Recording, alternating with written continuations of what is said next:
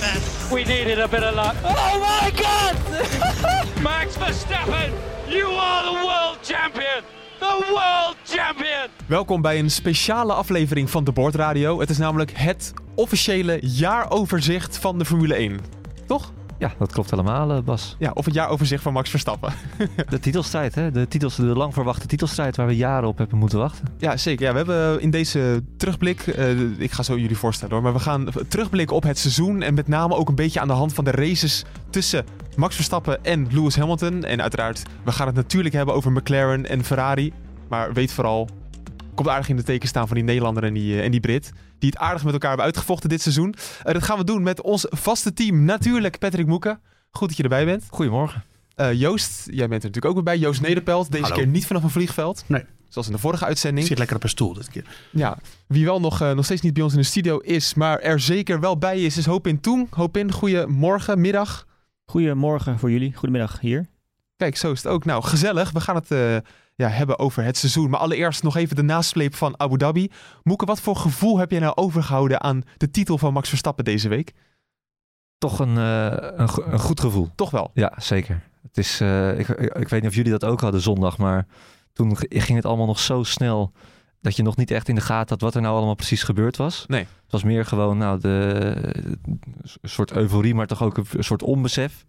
Eigenlijk een beetje hetzelfde als wat je bij, eh, eh, bij Jos ook zag. Die kon ook eigenlijk niet juichen toen, toen Verstappen over de, eh, over, de, over de finish kwam. En ik denk dat het, dat het echt wel eventjes heeft geduurd bij hun ook voordat ze in de gaten hadden van ja, we zijn echt wereldkampioen. Ik heb nog nooit zo'n spook als Jos Verstappen gezien. Nee. Zijn- Zijn hele gezicht was wit. Die ging echt bijna van zijn stokkie. Ja. Ja, ja. Ja. Maar ja, daar komt natuurlijk die hele controverse erbij, wat, wat niet echt goed is. Maar als je dan weer al die filmpjes gaat kijken. Ik heb een filmpje voorbij zien komen van een gigantische pub in India. Die helemaal eh, eh, vol zat met, met Indiërs die helemaal uitzinnig waren van, eh, van vreugde toen Verstappen. Ja, gewoon, niet- gewoon nou, ja, niet van vreugde, maar gewoon in extase qua sportbeleving. Ja, dat is toch. we hebben wel sporthistorie gezien en niet alleen voor Nederland. Nee, Joost, dat, dat is zo toch? Ja, denk het wel. Ik heb ehm, natuurlijk... Ja, je moet, het, het klinkt heel mooi dat wij erbij waren in Abu Dhabi. Maar eh, de, het is natuurlijk wel ook zo dat je gewoon aan het werk bent. En ik ben ook gewoon met verslag bezig en dat soort dingen. Dus eh, dat, dan beleef je het heel anders. En, eh, maar ik ben ook gewoon sportliefhebber natuurlijk. In de eerste plaats. Dus ik heb ook alles gewoon... Ik heb het geprobeerd te herbeleven afgelopen dagen. En dat is goed gelukt. En ik heb een hele hoop filmpjes gezien ook van, van mensen die in de, in de huiskamer meekeken met eh, de laatste ronde en dat soort dingen. Eh, ik vind dat altijd mooi om dat soort dingen te zien. Eh, de emotie die erbij komt kijken, dat is uiteindelijk toch wat sport mooi maakt. Ja. Nou ja, voor de mensen die het opnemen eh, voor Mercedes en misschien ook wel eh, voor hoe de gang van zaken is, ja, dan, dan krijg je met heel veel kritiek te maken. Dat heeft Hopin deze week meegemaakt. Hopin, gaat het wel een beetje met je? Ja hoor, ik eh, heb wel vaste bodyguards geregeld voor de volgende keer als ik weer naar Nederland kom. Maar eh, nee, even, even alle serieus zijnde. Kijk, eh, fenomenaal natuurlijk dat Verstappen wereldkampioen is. Ik denk dat je... ja, ik, ik, ik vind het zelf nog steeds lastig om woorden erbij te vinden. Ik ben zelf eh, in 1994 Formule 1 gaan volgen door Jos Verstappen. En ehm, hebben een enorm groot autosporthart. En ja, toen ik Jos daar ook door de pitstraat, pitstraat zag lopen met tranen in zijn ogen. Ja, dat is eh, fantastisch. En als je ook gewoon weet wat voor een traject die twee hebben samen afgelegd, is, eh, ja, is echt fantastisch natuurlijk. En ehm, wat, wat Joost net zegt, als je, als je probeert iets meer afstand te nemen en nou ja, als een professional in die zin naar, de, naar kijkt eh, om gewoon te analyseren wat er nou precies is gebeurd, kun je denk ik niet tot een andere conclusie komen dat er gewoon dingen zijn gebeurd afgelopen zondag die, ja, laten we sowieso niet via de reglementen zijn gegaan. Ik denk wel dat het eh, voor, laat ik het zo stellen, wat er ook gaat gebeuren, het is voor ehm, het profijt van de sport in de toekomst. Eh, en dat is denk ik wat er heel belangrijk is. Ehm, hoe fantastisch het ook is. En nogmaals, Verstappen heeft meer dan verdiend het kampioenschap eh, gewonnen.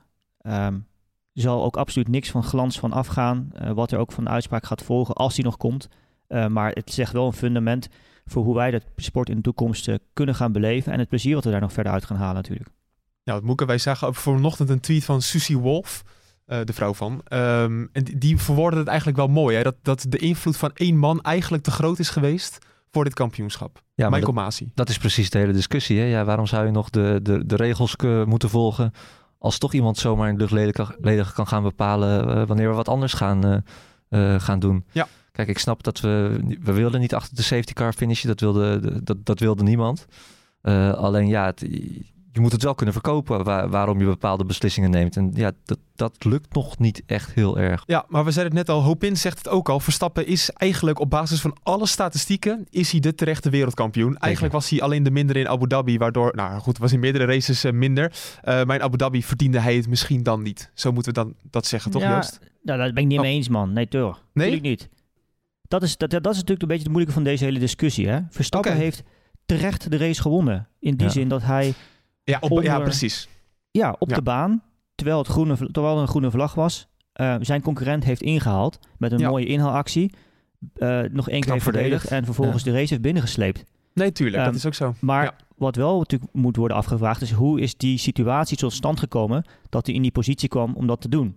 Ja. En dat is denk ik natuurlijk het hele het, het moeilijke en ook waar de schoen wringt. En dat is hetgeen wat ik heb geprobeerd aan te halen ook in het verhaal dat ik samen met Patrick heb gemaakt eigenlijk. Ehm, ja, daar, zijn, daar, daar moeten vragen over gesteld worden van was dat wel of niet goed? Kijk, ik, ja, dat, dat kunnen wij denk ik niet ste- zeggen. Ik Nee. denk dat iedereen er wel een mening over heeft.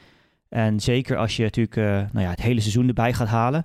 Maar zo wordt een race dus natuurlijk niet ehm, behandeld door een race director of ook niet stewards. Die kijken in principe niet per se naar wat er vorige race is gebeurd, behalve als er een soort van nou ja, eh, precedent is in, in de vorm van nou, eh, track limits, eh, contact, noem maar op, zulke soort zaken. Eh, maar in, ja, dat was er natuurlijk in dit geval totaal niet. En Nee. Dus je kan ook niet naar iets terugkijken in het verleden.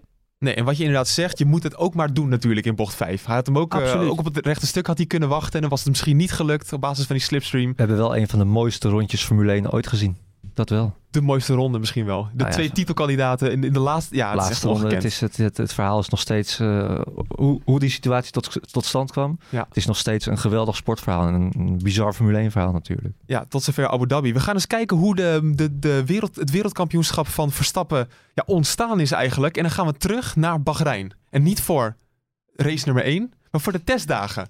En moet ik hem er eigenlijk gelijk al ingooien, Moeke? Doe maar. Oké, komt ie. Je gaat luisteren naar eh, de tweede aflevering van dit seizoen van de Bordradio. En we hebben ooit in de eerste, dat was voor de testdagen. Dit is met de informatie die we hadden na de testdagen. En Ik, ik vind het persoonlijk hilarisch. Komt ie. Als het zo is dat wat we van Verstappen hebben gezien in Abu Dhabi in de laatste race, dat ze dat nu hebben meegenomen en uitgebouwd, hè, dan, dan zit ik helemaal in het kamp, Patrick. En dan, eh, en dan eh, denk ik inderdaad dat het een heel leuk seizoen gaat worden. Ik zeg daarmee niet dat Mercedes slecht gaat zijn, want ja, Mercedes blijft Mercedes en, eh, en die zijn heel goed Dat, in dat het, wil eh, ik ook nog. Ik, het rookgordijn. Hè? Kijk, het, het, het, ik, ho- ik hoop gewoon, of het is of hoop, ik, ik hoop, het is hoop, verwachten en het, eh, een beetje analyse. Op, Ja, ehm, maar dat er gewoon een titelstrijd aan gaat komen. Ja, dat is en tuurlijk, daar dat heb ik het, ik ik heb het volste vertrouwen erin dat, dat, dat er geen, maar dit is ook, ja, het is niet eens een gewaagde uitspraak, maar Hamilton is niet drie races voor het einde al kampioen dit jaar. Even kijken, dit- we zitten... Oké, ik heb een minuut genoteerd van deze podcast. dit eh, komt in december weer terug. Ja. Het komt in december weer terug. Ja. Moeke, daar ben ik. Ja, heel goed. Hallo. Maar dat is dat, om maar aan te geven hoe we uit de vorige Formule 1 jaren kwamen. Wij waren al blij als Hamilton niet drie races voor het einde kampioen zou zijn geworden. En wat is dat een gewaagde uitspraak, Moeke? Nou ja, maar op dat moment was dat een gewaagde uitspraak. Omdat Ja. Hamilton zo dominant was. Ja. Eh, wij waren al lang blij. Dat, ja, dat kunnen we ons niet meer voorstellen. Maar wat, er, wat, wat zich ontvouwde, ja. Gewoon een titelstrijd. Dat was fantastisch. Ja, Daar dat- hoopten we allemaal op. Dat was na de eh, winterdagen, wintertestdagen, eh, Joost. Toen hadden we eigenlijk al het gevoel van... hey, die Red Bull is wel aardig. Ja, nou ja, eh, eh, er was toen vorig jaar was er zo'n eh, ontwikkeling gaande, zeg maar, eigenlijk in het seizoen daarvoor, over de, die achtervering van de Mercedes. Als we het gelijk even, sorry, als we het even technisch mogen maken. Eh, Mercedes had toen een, be- een bepaalde truc, eh aerodynamische truc met de acht, layout van de achtervering. En Red Bull had dat niet het jaar daarvoor. En Mercedes was natuurlijk super dominant. En toen kwamen we in Bahrein aan en toen had Red Bull dat ook. Die hadden natuurlijk die tokens, waar we het er eh, straks nog even over moeten hebben. Dat hadden ze goed besteed. Die auto leek goed. Honda die had een, een, nieuwe motor met meer vermogen. Ehm, en, en we, hebben natuurlijk we kwamen uit een fase in het seizoen daarvoor... waarin Verstappen steeds dichter bij Hamilton kwam. En we wisten ook nog eh, dat die aanpassing aan de vloer er was geweest. Die, die regelwijziging waardoor de vloer smaller werd... en waardoor er daar onder de vloer minder downforce opgewekt wordt. We, we, we wisten dat dat waarschijnlijk nadeliger zou zijn voor Mercedes. Ja, al die punten bij elkaar opgeteld, eh, dan eh, zag het er gewoon heel goed uit voor, voor Verstappen. Maar ja, we weten gewoon dat Mercedes de afgelopen zes, zeven jaar gedomineerd heeft. Dat is natuurlijk om een reden. Dat is een heel goed team. Ja. Dus Het was heel gewoon riskant om te voorspellen van ah, nu gaat, nu gaat het echt gebeuren. Nu zit hij erbij. Maar, Oh. maar onderuit voelden we het wel dat het, dat het, hij was dichterbij dan nooit. Dat Nou. wisten we wel. Hij was dichterbij dan nooit. Nou, weet je wat we die podcast ook zeiden? Dat is de kop ook van aflevering 2 van de Bordradio. Als Verstappen in Bahrein wint, dan wordt hij kampioen. Dat was Ja. onze kop toen. Ja, hij won niet. Hij won niet. Maar hij was wel snel genoeg om te winnen. Ja. Dat, dat was eigenlijk de essentie van het verhaal natuurlijk. Ja. Hij was Ja. snel genoeg. Hij was de snelste die dag. En hij was ook op zaterdag de snelste. Dus eh, in principe eh, ja, was dat wel een soort van bevestiging. Ondanks dat hij niet won. Maar dat was door omstandigheden. Dat was niet omdat hij niet snel genoeg was. Ja, we hopen natuurlijk. Kijk, we zagen wel de goede resultaten uit die, uit die testdagen. Maar had jij van binnen verwacht dat dit echt kon gebeuren? Ehm, oh, ja, ja, ik, ik, zoals, eh, ik, laat ik het anders stellen. In het verleden was het natuurlijk iedere keer zo dat er veel grootspraak kwam, vaak vanuit het Red Bull kamp voor het seizoen. Van nou, dit jaar wordt ons jaar en we gaan er zeker bij zitten. Ja. En dan was eigenlijk van het eerste moment dat de auto's de baan op gingen, was het toch wel een beetje teleurstellend vaak. En dat was natuurlijk eh, ja, in Bahrein een heel ander verhaal met de testdagen. Zag je juist dat Mercedes het best wel lastig had. Hè? Hamilton maakte foutjes, belandde ook nog eens in de grindbak. En ja, dat zijn dingen. Ehm, natuurlijk is het zo dat je tijdens een testdag vaak moeilijk kunt stellen, van buitenaf gezien, wie er echt snel is en wie niet. Hè? Eh, dat hangt heel erg af van de hoeveelheid brandstof die men rijdt, welke motorstanden, noem maar op. Maar zulke soort foutjes, ja, die maak je natuurlijk niet zomaar. Dat, dat gebeurt echt alleen als er een grote onbalans is in de auto. Ehm, als een rijder onder druk staat, misschien wel op een bepaalde manier. En, en dat geeft natuurlijk al wel aan dat ze bij Mercedes mm, niet helemaal comfortabel waren, zoekende waren.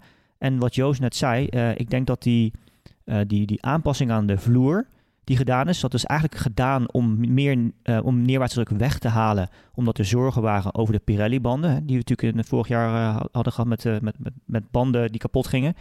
Ehm, dat, dat is iets wat Mercedes natuurlijk heel erg ehm, nou ja, geschaad heeft in die zin dat ze dat het moeilijker, dat, ze, dat heeft hen meer geraakt dan dat Red Bull heeft geraakt. Puur vanuit de filosofie, zoals ze die auto's bouwen. Hè. We hebben veel favoriet woord van Joost, rake en no rake, high rake, low Ja. rake. Ja.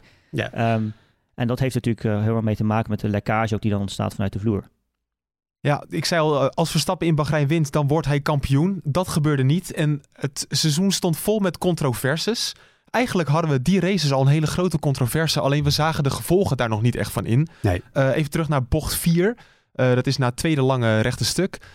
Eh, v- eigenlijk de bocht waar Hamilton zo'n beetje 36 keer te wijd ging. 29 keer. Oh, 29 Dus dan keer. was het al heel hoog. En dan ga je toch nog weer overdrijven. Daar begon het al, hè? Oh ja, daar begon het Daar begon het al. Ja. Je had daar die curb, eh, maar daar ging Hamilton steeds overheen. Ja. Eh, dat deed hij de hele race lang. Tot het moment, een paar rondes voor het einde, dat Verstappen Hamilton inhaalde op de baan. Ging er buiten eh, en werd daar teruggefloten. Ja. Waardoor hij niet won. Ja.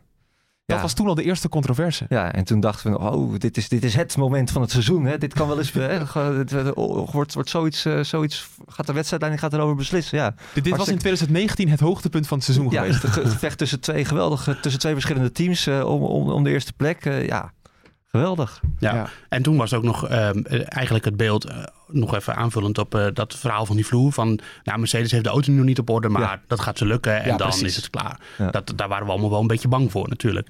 Eh, maar ja, dat duurde wel lang. Eh, uiteindelijk heeft dat echt gewoon een half seizoen geduurd voordat ze de, die auto wat beter voor elkaar kreeg. Dus ja, ja het- het- en wat ik, wat ik ook nog even mee wil nemen uit de testdagen is dat ook opviel dat, eh, dat de Alfa Tauris gewoon heel hard gingen. Eh, en dat, dat beaamde eigenlijk wel wat we dachten van nou die Honda motor die heeft wel weer een stap gemaakt. En dat, eh, nou ja, dat is het hele seizoen natuurlijk gewoon gebleken. Want de Mercedes motor was altijd gewoon, stond ver boven de rest. Ja. Eh, Ferrari heeft een tijdje geprobeerd. Nou, we hoeven niet verder op in te gaan hoe ze dat geprobeerd hebben. Maar nu hadden we echt het gevoel dat er, dat er een motor was die gewoon de Mercedes enigszins kon bedreigen. Ik- Ja, onder de streep denk ik dat de Mercedes motor dit seizoen nog steeds het sterkste was. Maar nou ja, dat bleek toen al een beetje van, eh, nou, hij, hij heeft ook een krachtbron eindelijk om, om de strijd aan te gaan. En dat is, daar lag het altijd aan bij Verstappen de afgelopen jaren. Maar daarom pakken we ook Bahrein erbij. Dat is echt een power circuit. Dat was absoluut Mercedes, ehm, een Mercedes veld. Behalve dan in 2019 toen de Ferrari als een kogel ging natuurlijk. Ja. Ehm, maar je zag het in de race daarna ook. Imola, laten we even luisteren hoe Verstappen daar winnend over de streep kwam. Ah, yes. Well, that was uh, tricky out there, but great job, guys. You managed that really well. what do we uh, call that, GP? Uh, simply something, I think. A simply lovely performance. Want dat was wel toen we voor het eerst dachten... hey, tuurlijk in Bahrein had hij al moeten winnen. Maar Imola was ook niet het perfecte Red Bull baantje. Nee, en ja, het, gewoon, we, we hebben een titelgevecht. Dat, dat, dat besef kwam toen eindelijk, toen begon dat echt eh, in te dalen. Dat je gewoon op twee circuits er er, echt, eh, er, er echt bij staat. Je zou wel haast kunnen zeggen dat, dat in Bahrein had, eh, had Red Bull juist een snellere auto. Nou, in Imola was dat verschil al een stuk minder. Misschien had, als het droog was geweest, Mercedes daar wel de iets snellere eh, de auto al. Ja. Hamilton natuurlijk daar al veel geluk gehad. Hè? De, die, die race, daar begon het al een klein, eh, eh, een klein beetje. Ja. Maar dat was natuurlijk wel de, opmaat van eh, eh, ja, de bevestiging dat er echt een titelstrijd zou komen. Nou ja, en, en we, we, hadden in Bahrein hadden we in de slotfase een inhaalactie om de leiding. Oké, werd later teruggefloten. En we kregen in Imola kregen we meteen in de richting de eerste bol bocht weer een duel tussen die twee. Waarbij het er ook hard aan toe ging. Eh, Verstappen met zijn ellebogen naar buiten. Hamilton die niet blij was dat hij naar buiten werd gedrukt. Ja, dan, eh, toen begon het zich al een beetje af te tekenen van dit wordt echt een titanenstrijd tussen die twee. En natuurlijk wisten we toen nog niet hoe lang dat zou gaan duren. Maar het Hm. duurde tot de laatste ronde van het seizoen. Ja, hoop ik. werd daar ook een beetje een statement door Verstappen af te geven, eh, afgegeven. Dat hij in eerste instantie vanaf P3 Drie. van bij. Ja, want Lennon Norris die werd zijn tijd eh, werd nog afgenomen. Ja, nou, eh, en Verstappen maakte zelf een foutje toen in die kwalificatie, waardoor hij als derde en Perez was tweede. Ja, precies. Natuurlijk. Dus ja, een hele goede start en dan kom je er alsnog naast. Is het de enige keer dat hij outqualified is Ja. dit seizoen? Eh, wel eh, on merit, zeg maar. Dus Ja, eh, op gewoon pure snelheid. Ja. Omdat hij een foutje maakte. Ja, dat is. eh, Ik zou, ja, ik, dat fragment heb ik niet opgezocht, maar wat, wat zullen we gezegd hebben over, over Perez toen? Nou, die gaat, die gaat nog een rol spelen in de titelstrijd. Ja, dat, hebben, we- dat hebben we niet gezegd. Ja. We wisten echt toen nog niet wat, we, wat hij aan Perez zou hebben. Nee. Verstappen outqualified Ja, in, in ja. race 2. Maar ja, Opin, als ik eh, zo brutaal mag zijn, hoe, hoe vind jij daar bijvoorbeeld, Hamilton, Hamilton hield daar nog in. Hè? Je zou achteraf misschien kunnen zeggen, eh, had hij daar niet meer risico moeten nemen? Of, want Ja, maar dat zet inderdaad wel een beetje de trend van het seizoen natuurlijk. Hè? Ja. En Verstappen stond sowieso natuurlijk al in de sport bekend als de coureur die, nou ja, die schroomt niet om een agressieve actie te maken. Ehm, die, rijdt met zijn ellebogen naar buiten.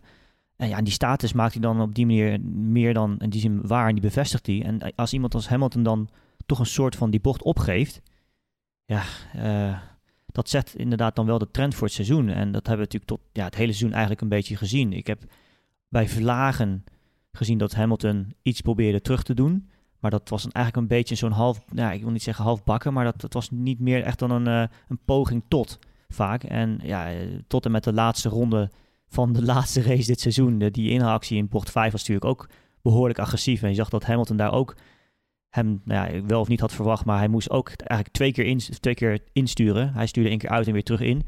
Ehm, dat was weer zo'n moment dat, nou ja, ehm, daar hadden in principe gewoon contact gemaakt ehm, als Hamilton niet eh, eh, opgegeven had in die zin. En Ja. Ja. nogmaals, dat, ja, dat, dat is iets wat Verstappen natuurlijk, eh, wat hem kenmerkt ook en wat hem ook eh, sterkt, denk ik. Ehm, en waarom, ook, waarom hij ook zoveel fans heeft, niet alleen in Nederland, hè, want dat is natuurlijk iets wat eh, spectaculair is, wat, wat mooi is om te zien. En ja, wat ik, wat ik persoonlijk daar heel mooi aan vind wel als rijder zijn, is dat ehm, hij remt vaak extreem laat. En je kan heel vaak discussiëren, is het niet te laat? Dat, dat, dat is vaak ook wel het geval, denk ik. Maar het is vaak wel gecontroleerd. Wat je vaak bij andere coureurs ziet, ik had er nog aan te denken, eh, dat iemand zoals in Brazilië bijvoorbeeld, of ook nu weer in Abu Dhabi in de eerste ronde, ook zelfs in de, in de laatste ronde, als een coureur zo laat remt, dan zie je bijna altijd wel dat hij een wieltje blokkeert of wat entry overstuur heeft, noem maar op. En dat is bij Verstappen zelden het geval. Het gevoel met de auto die hij heeft en de autocontrole is echt exceptioneel. En daarom kan hij dat ook doen uiteindelijk. Ja, Want als je blokkeert en je zeilt echt in die auto van Hamilton, ja, dan, heb je natuurlijk een, dan is het heel erg moeilijk uit te leggen bij, eh, bij de stewards later. Ja. Ja. ja, wat ik daar nog over wil zeggen is dat het misschien ook wel een voordeel voor Verstappen is geweest. eh, dat hij altijd in een langzamere auto heeft gereden. Ja. Daar ben je misschien toch wel een harde knokker door geworden. Eh, kijk, hoe je het ook bent of keert. Hamilton heeft de afgelopen jaren minder vaak hard voor zijn positie moeten vechten dan Verstappen dat heeft moeten doen. Dus het kan ook best zo zijn dat zeker in het begin van het seizoen dat, je het, ja, dat het toch nog even anders voelt. En zeker als je met Verstappen in gevecht bent, Ja. die ook nog eens dezelfde, eh, soort auto heeft eh, als jij. Ja, want het is ook zo dat, je, dat Verstappen natuurlijk met die actie in de eerste bocht, dan heeft Verstappen de leiding. Dat staat Hamilton onder druk. En dan is er daarna is er een situatie met eh, natte banen en dat soort dingen. En Hamilton gaat ook in de fout. Ja, en dat is, ja, dat, daar kwam hij natuurlijk niet zo sterk over. Nee. En uiteindelijk, die hele rode vlag situatie, dat soort dingen, dan vecht hij zich ook wel weer terug. Maar het, het, het- je had daar toch ook een beetje het idee dat Hamilton inderdaad roestig was. Ja, toen. En dat, weet ik ook nog dat we toen zeiden van... hé, hey, hij kan fouten maken, die Hamilton. Dat, Ja. hoe, hoe, hoe- want wat zien we nou, weet je? Ja. Toch wel, ja. Hamilton onder druk. Hamilton onder druk. En dat bleek ook inderdaad eh, bij de situatie vlak voor dat rode vlag. Dat hij in de grimbak terecht kwam. Ehm, maar hij, hij kreeg geluk. Rode vlag door een crash nota bene van zijn nieuwe teamgenoot George Russell en zijn oude teamgenoot Valtteri Bottas. Ja. Ehm, en toen zeiden we al, oh maar die Hamilton heeft zoveel geluk gehad, dit gaan we het hele seizoen nog voelen. Toen dachten wij, we gaan elke uitzending, heel flauw. eh, Ja, iemand mailde dat, hè? ja, iemand mailde, je moet elke uitzending afsluiten met hetzelfde. En dat deden we toen. Het lijkt me mooi als Patrick vanaf nu iedere uitzending eindigt met de uitspraak. Overigens ben ik van mening dat Hamilton ontzettend veel geluk heeft gehad op Imola. Tenminste, totdat Hamilton een keer pech heeft gehad. Ja. Sportieve groeten, Wouter Nelis. Ja, hartstikke leuk. Erin. Dus eh, nou, wacht maar tot het einde van de Ja. uitzending. Ja, ik moet Eh, wel wat zeggen. Eh, overigens ben ik wel van mening dat Hamilton heel veel geluk heeft gehad in Imola. Ja, uiteindelijk moeten we eerlijk zeggen, dit hebben we maar één uitzending volgehouden. Ja, was wat Joost zegt. Het was misschien ook een beetje kinderachtig eh, Ja, geworden. dat zei ik niet in de uitzending. Nou, die zit wel in de uitzending nu. nou, maakt het niet uit. Ja, nee, want, want eh, maar grappig is wel met de kennis van nu, het- dat geluk, dat heeft hem bijna de titel opgeleverd. Ja, ja. Dat nee. is gewoon echt zo. Ja, stel je voor, ja, maar ieder puntje. Ja. Komen, we gaan nog verder in het seizoen, maar er zijn zoveel momenten waarop je zegt, ja, eh, als hij daar die en die had ingehaald, eh, of niet, hè, dat, eh, dan was het heel anders gelopen, ja. Maar zo, ja, en zeker in zo'n close seizoen, dat soort dingen maken het verschil. Ja, oké, maar we moeten ook benadrukken dat Verstappen op momenten natuurlijk ook geluk heeft Zeker, gehad. Het is zeker. niet zo dat Hamilton puur op geluk in de titelstrijd is Nee, gebleven. nee. Dat, eh, dat Nee, beeld dat klopt eh, wel. bestrijd ik. Dat is, eh, dat is niet zo. Kijk, en eh, we hebben ook vaak genoeg de afgelopen weken gezegd van nou ja, aan het eind komt de balans wel ongeveer gelijk uit. Ehm, Dat is aardig uitgekomen op het laatste. Dus uiteindelijk is dat aardig uitgekomen. Ja, ehm, eh, volgens mij heeft op een eerdere podcast ook nog benadrukt eh, dat Verstappen natuurlijk heel veel geluk heeft gehad in België. Ehm, er zijn ook wel andere momenten denk ik geweest. En uiteindelijk ook een beetje geluk gehad natuurlijk. Maar nu gaan we al heel erg vooruitlopen. Dus ja, je moet niet gelijk niet zeggen van... Nou ja, dat, dat heeft Hamilton zijn kampioenschap in leven gehouden. Ik denk dat dat, dat te simpel is. Ja, dan gingen we door met, eh, hadden we Bahrein gehad, hadden we Mon, eh, Imola gehad. Toen dachten we 1-1, dit wordt een geweldige strijd. Toen kregen we eigenlijk een paar zure weken, want eh, toen gingen we naar Portugal en Spanje. En ondanks de inhaalactie van Verstappen bij Hamilton in bocht 1 in Spanje, zagen we toch, ei, het wordt weer zo'n seizoen. Dat waren dus inderdaad Mercedes-banen. We dachten dat we die termen kwijt zouden eh, zijn, maar dat, Ja. dat bleek dus toch niet het geval. Want ja, die tendens zette zich toch door dat je duidelijk zag dat Mercedes op bepaalde banen sneller was en Red Bull weer op andere banen. Ja, en op bepaalde banden. En een Red Bull weer op andere banden. Ja. Eh, en dat, maar er was uiteindelijk, het, in het hele seizoen was er gewoon moeilijk chocola van te maken. Waar eh, wie nou precies op welke circuits beter was. En op welke banden ook beter was. Want dat waren de eerste circuits eh, waaruit, waarop ehm, eh, Pirelli de hardste De banden hardste had mee banden, ja. genomen. En, en eh, prompt eh, twee keer is Hamilton gewoon eh, buiten bereik van Verstappen. Echt op pure snelheid. En dat... nou ja, dat, dat baarde voor, eh, voor Verstappen natuurlijk wel een klein beetje zorgen. Eh, we zagen toen ook weer Hamilton in die eerste bocht natuurlijk. Eh, het moment haal je het aan van dat hij, dat hij wat voorzichtig was. Ook in de wetenschap dat hij gewoon eh, sneller was uiteindelijk. Dat, heeft, dat was eigenlijk altijd al een beetje zijn stijl. Zo van, duels hoef ik niet per se te winnen, want uiteindelijk heb je een snellere auto. Ja. Ehm, maar ja, zo bleek het niet het hele seizoen te zijn. De titel van de podcast na afloop van Spanje was Hamilton op volle toeren met psychologische oorlogsvoering. Dat begon toen al. Eh, en dat is eigenlijk ook iets wat het hele seizoen gebleven is.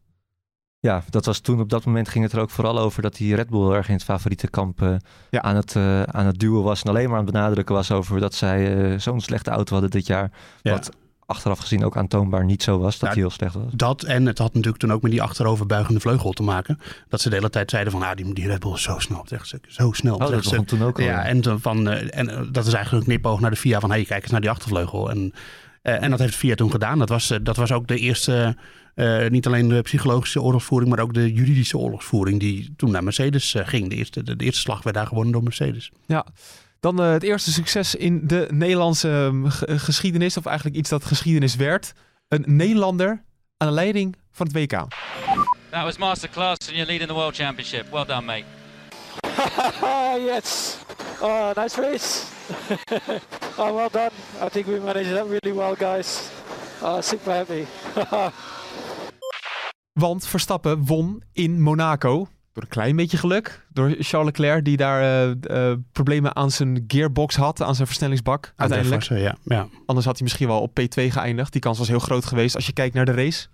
Nee, Ja. eh, we- we- de- daar heeft, eh, nou ja, als je het hebt eh, over de, de balans pech en geluk, natuurlijk. hij had ook Leclerc in kunnen halen in de race. En Leclerc crasht uiteindelijk zelf. Dus die kan het zich alleen maar zelf kwalijk nemen. Dat zo is het ook. Maar ja, normaal had Leclerc daarop, was hij daarop pol gestart. En ja, je, je kan gewoon moeilijk inhalen in Monaco. Dus ik denk niet dat hij er dan is, dat had strategisch moeten gebeuren, maar ik denk dat hij er op snelheid niet zomaar voorbij was gekomen. Nee. Nee, een hoop in. Als je kijkt naar de situatie van, eh, van Lewis Hamilton daar in Monaco. Cruciaal eigenlijk al eh, voor het kampioenschap. Want hij werd daar slechts zevende. En we zien ook wel weer, ook in dit seizoen. Hopelijk gaat dat veranderen in het volgende jaar. Maar inhalen in Monaco, dat is gewoon niet te doen. Ja, dat, is in, ja dat, dat weet je eigenlijk van tevoren als je naar dat circuit gaat. Ja. Ehm, ondanks dat het natuurlijk DRS is. En dat- ja, dat is, het is gewoon heel erg smal. En zeker met de huid- hedendaagse Formule 1 auto's die gewoon qua gewoon fysiek formaat heel groot zijn, ehm, wordt dat natuurlijk alleen maar moeilijker. En eh, nou goed, hij, hij, Hamilton uiteindelijk een, een relatief slechte race daar gehad. Veel punten verloren, als je het zo, zo zou kunnen zeggen. Wel de snelste ronde ook nog gepakt toen, dat wel. Ja. En dat, is, ja, dat was een van de eerste keren dat ik ook dacht van... Hmm, die snelste ronde, die punten die daarvoor worden uitgedeeld... Dat is, ik, ik, ben, ik ben het er persoonlijk daar niet helemaal mee eens dat, dat, dat, dat die regel bestaat. Ik denk dat het een beetje zijn doel voorbij schiet. Want ja, eh, dat we natuurlijk later in het seizoen ook een paar keer zagen... Van, eh, dat het echt heel strategisch spelletje wordt. Dat zelfs eh, nou ja, bij Red Bull of bij Mercedes... goede posities van teamgenoten worden opgegeven... om dat punt bij de ander weg te kapen. En ik, ik weet niet of dat... Ja, natuurlijk, het hoort bij, bij de sport als zijnde dat het een teamsport is... maar ja, ik denk niet dat het een grote toegevoegde waarde heeft persoonlijk. Nee. Het, het is toen ook ooit een keer ingesteld, ook onder, eh, onder het motto van ja, de snelste ronde moet meer beloond worden of zo. Eh, waarom, waarom houden we dat eigenlijk bij terwijl je er niks voor krijgt? Nee. Maar eh, en dat is, die, die, die eh, gesprekken zijn natuurlijk ook wel eens over de pole position gevoerd. Maar uiteindelijk denk ik, ja, ben ik het helemaal eens met Opin. Het, het streeft nu zijn doel een beetje voorbij. En eh, ja, net als op Zandvoort, weet je wel, dan, dan gaat Hamilton in de laatste ronde alleen nog weer een pitstop maken en om een snel rondje te rijden. Levert, levert nog wel wat consternatie op dat wel, maar uiteindelijk moet het gewoon gaan om wie als eerste over de streep komt. En, eh, en daar zo moeten de punten verdeeld Je worden. zag dit jaar bijna dat er gewoon een titel op beslist werd. Ja, Ja. daar is het natuurlijk nooit voor, eh, voor bedoeld. Nee, ik denk niet dat ze dat ooit zo bedacht hebben, Nee. dat dat daarom zou gaan. Nee, maar dat... Nee, maar aan de andere kant, het geeft wel inderdaad in die laatste ronde nog wat sensatie in Zandvoort. Ja, aan de ene kant wel, maar ik, is dat Maar een aan de goede andere kant- sensatie? Ook hoe makkelijk het is om op die nieuwe banden die, die, die ronde neer te zetten. Het is bijna, nog, volgens mij is het vrijwel nog nooit gebeurd dat iemand naar binnen ging, nieuwe banden kreeg en het er niet in slaagde om die eh, ro- snelste ronde te klokken. Nee, eigenlijk door de banden is dat gewoon eigenlijk niet spannend. Nee, als je gewoon een pitstop maakt en die ruimte hebt, ja, dan kan je hem altijd eh, gratis pakken. Ja, nu is het wel zo, het heeft het kampioenschap zeker niet beslist. Want eh, Hamilton en Verstappen zijn allebei op zes geëindigd. Zes keer de snelste ronde. Betekent dat ook dat ze allebei dan zes punten hebben gekregen daarvoor? Ja, het is maar net hoe je het... eh, Dat is eigenlijk een soort quizvraag. Of die ja, of- nou, het is eigenlijk helemaal geen quizvraag. Flauwe vraag. Een flauwe vraag. Het is niet zo, want Verstappen had namelijk in Baku de snelste ronde. Maar die Maar- eindigde niet in de top Maar je 10. moet wel in de top 10 eindigen. Ja. Daardoor heeft Oh. Hamilton officieel de DHL Fastest Lap Award gewonnen. Eh, maar die, ja, door dat moment in Baku dus. Want ja, je zal maar aan de leiding rijden. Comfortabel. Eigenlijk eh, geen enkele vrees voor iemand achter je. En dan eh, gebeurt er dit.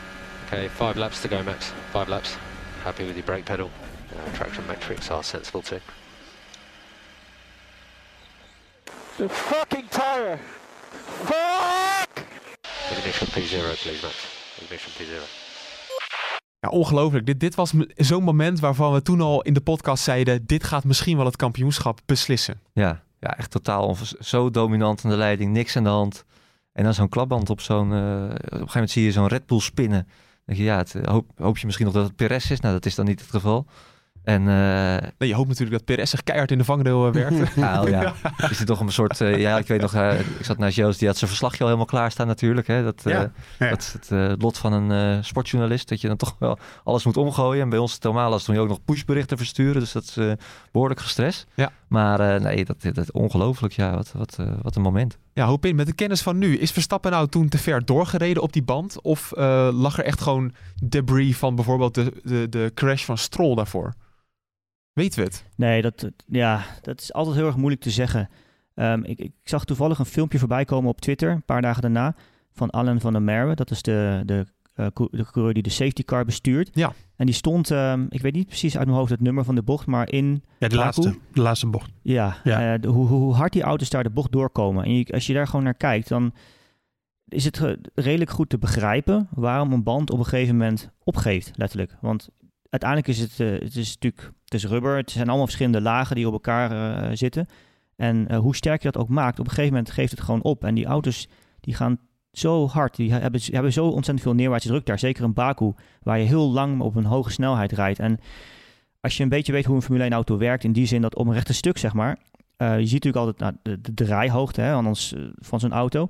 En die zakt op het rechte stuk, door die neerwaartse druk, zakt die auto natuurlijk naar beneden. Dat hebben we vaak gezien, zeker naar, naar Istanbul met Mercedes. Mhm. Ehm, maar op een gegeven moment zit daar een stop in. Omdat natuurlijk als er geen stop in wordt gebouwd, dan raakt op een gegeven moment de vloer het asfalt. Dat Ja. kan natuurlijk niet. Maar op het moment dat die auto in die stop komt, dan gaat eigenlijk alle energie van die, de, die nog meer neerwaartse druk opwekt, gaat dan door de wang van de band heen.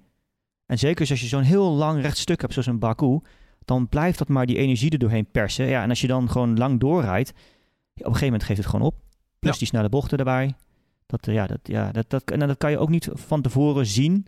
Eh, je zou, het enige manier waarop je het vaak kunt zien is als je een band van de velg afhaalt. Dan zie je in het karkas aan de binnenkant kun je vaak eh, wat scheurtjes waarnemen. Ehm, maar ja, dat, ik weet niet in hoeverre dat tijdens een race al wordt gedaan eh, door Pirelli. Feit was wel dat er een klapband kwam en dat Verstappen in principe 25 punten, 26 punten daar zou verliezen. Eh, die punten gingen in principe gratis naar Lewis Hamilton. Ah, Die- eigenlijk 50, hè? Ja, maar Perez die stond nog wel op pole. Oh ja, dat is waar. Dat moet je niet vergeten. Oh ja, Perez stond nog op pole natuurlijk. Dus, ja. eh, het, Ja. het, het, de- het was wel de vraag of hij het ging houden, dat wel. Ja, maar Eh, eigenlijk wist je al hoe het zou gaan. Ook Ja. gezien de andere jaren. Hè, Hamilton eh, zit hij toch opeens weer op die, eh, op die tweede plek. Nou, Wat een geluk. wat betere start. Ja, En toen, Ja. en toen de magic button. Did I have magic on? Uh, yeah, but yeah, just knock that on. I could have sworn I turned it off. Uh, yeah, you did, uh, but knocked it on uh, with the upshift. Of zoals eh, Olaf Mol zou zeggen, hij flikkert hem in het putje. Ja. Wat een van zijn meest legendarische commentaren ooit gaat zijn, denk ik, uit zijn carrière. Denk het wel, ja. misschien wel, ja. Dat Ja, ja, hij- vaak hij- terug horen. Hij flikkert hem in het putje. Ja, dat is uiteindelijk weer zo'n moment geweest. Daar heeft Hamilton het kampioenschap gewoon verloren. Laten we eerlijk zijn. Een, Ehm, van de, een van de velen. ja. Nee, maar dit, kijk, al die momenten, zijn- ja, al die mee. momenten zijn individueel nu te bekijken. Nee, dat klopt. Maar je, je, je kunt ze individueel bekijken. Maar je kunt niet zeggen, daar heeft hij het verloren. Of daar heeft hij het gewonnen. Zo werkt een puntentelling natuurlijk niet. Nee, maar als hij dat knopje niet had ingedrukt, Nee, was hij nu kampioen geweest. Ja, maar als hij ergens anders een klapband had gehad, dan had hij ook... zo, ja. dat, dat- zo, zo werkt het natuurlijk Nee, niet. dat snap ik Verstappen ook. geen Nee, klap, dat nee. had Verstappen eerder ja, kampioen ja, ja. Nee, maar hij knop- drukt het knopje wel in. Eh, en dat knopje voor de duidelijkheid, dat is een speciale afstelling van de auto om de auto zo goed mogelijk eh, op te warmen achter de safety car. Ja, voor de Eh, voorbanden, toch? Ja, de rembalans eh, die gaat dan op een stand die niet bepaald voordelig is als je in de eerste bocht goed wil remmen. Nee. En die had hij aan laten staan. Ja, vervelend, maar waar. Of had hem per ongeluk ingedrukt. Mercedes heeft daarna nog wat aangepast ook aan het stuur, zodat hij die niet zo makkelijk meer in kon drukken. En hij ging rechtdoor. En dat was wel een van de, van de men- momenten dit seizoen ook weer. Ja, dat eh, niet normaal wat daar gebeurde. En eh, Perez, eh, die was er, die, die deed eigenlijk wat een tweede man dan moet doen. Die is er dan om toe te slaan. En uiteindelijk had hij het misschien Hamilton nog wat makkelijk moeilijker kunnen moeten maken. Maar ja, als Hamilton gewoon een hele goede start heeft, dan doe je daar ook niet zo heel veel aan. Alleen hij ging rechtdoor. Ja, wat een moment. Ja, dat is ook zo. Een van de vijf podiums voor, voor Perez. Maar was de enige overwinning van het seizoen. Hij heeft hem nooit zo gratis gekregen, denk ik. Wat ik zeg, je moet er zijn. Je moet er zijn. Als je er niet rijdt, als je niet daar op die plek rijdt, dan kun je ook niet winnen. En hij reed daar wel. Dus. En hij had op zich ook een hele goede race. Want hij was ook de, continu was hij, deed hij mee eh, in de strijd vooraan. En hij reed op pole. Of hij startte die herstart op pole. Wat betekent dat hij voor Hamilton zat. Dus hij zat die hele race, deed hij eigenlijk wat hij moest doen. Ja. Ehm, dus eh, ja, ik, je kan best kritisch zijn op Perez dit seizoen. Maar niet per se voor die race. Dan gaan we door naar Frankrijk. Ehm, misschien wel een van de mooiste races van het seizoen. Als we nu kijken hoe het seizoen verlopen is. Eh, vooral, het is zo iconisch geworden. Omdat Verstappen Hamilton op de baan inhaalde. Op een mega manier. Ja, een tactisch schaakspel. Hè? Ook eh, rekenen, rekenen, rekenen. Een gok van een Red Bull, een moedige gok. Eigenlijk zoals we die eh, toen een paar jaar geleden van Mercedes hadden gezien in Hongarije. Dat de rollen omgekeerd waren. En je zag eigenlijk, dit zie je Red Bull... Tot dat moment zag je ze dat niet heel, heel vaak doen. Ook omdat, en zeker niet voor de leiding in de race. Hm. Want volgens mij hadden ze ook al track position toen, toen al. Dus nog meer gok. Ja. Maar Nou. ja, het pakte perfect uit. Ja, het was wel natuurlijk zo dat de situatie dat Verstappen de leiding verloor bij de starten.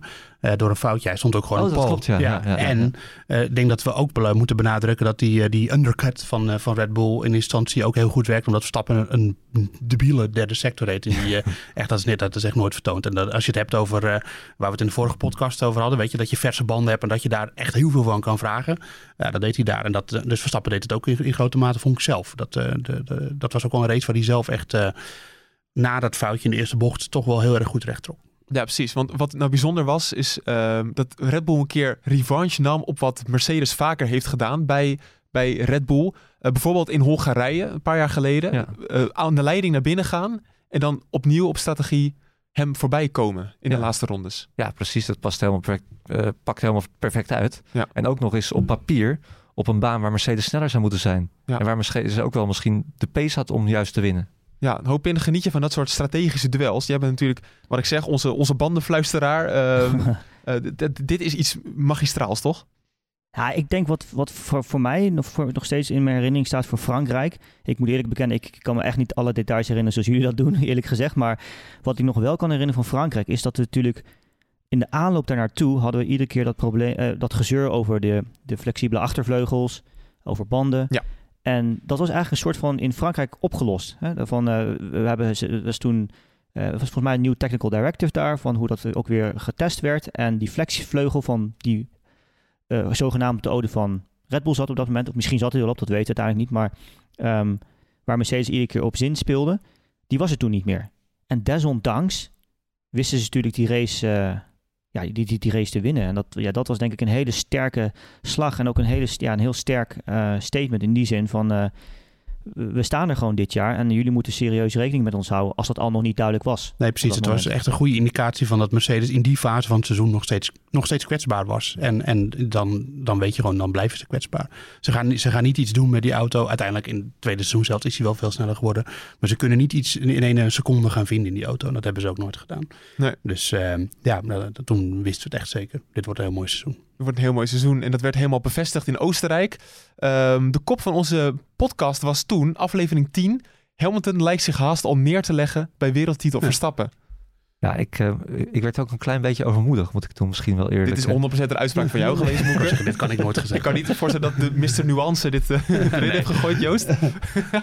Nee, maar was dit ook de fase dat hij zei dat, hij, dat Verstappen misschien wel elke race kon Ja, maar dit-? Maar dit komt de hele Oh ja, dat, ja, dat, Dat heb je gezegd. Ik Je ga dat fragment niet vinden. Ik heb, ik heb het niet gearchiveerd. Maar eh, jij hebt een zeggen. keer gezegd, vanaf nu gaat hij alles winnen. Nee, Nee. nee, dat, moet ik hem verdedigen. Oh, hij zei hij kan alles winnen. Dat zei hij. Hij zei niet hij gaat alles Oh winnen. ja. We moeten niet uit. Hij kan ze ook allemaal gewoon winnen. Maar het, is echt, het is echt geen gekke gedachte. dat hij ze gewoon vanaf nu al, dat hij alles wint. Maar dat hangt een beetje af van Silverstone misschien. Ja.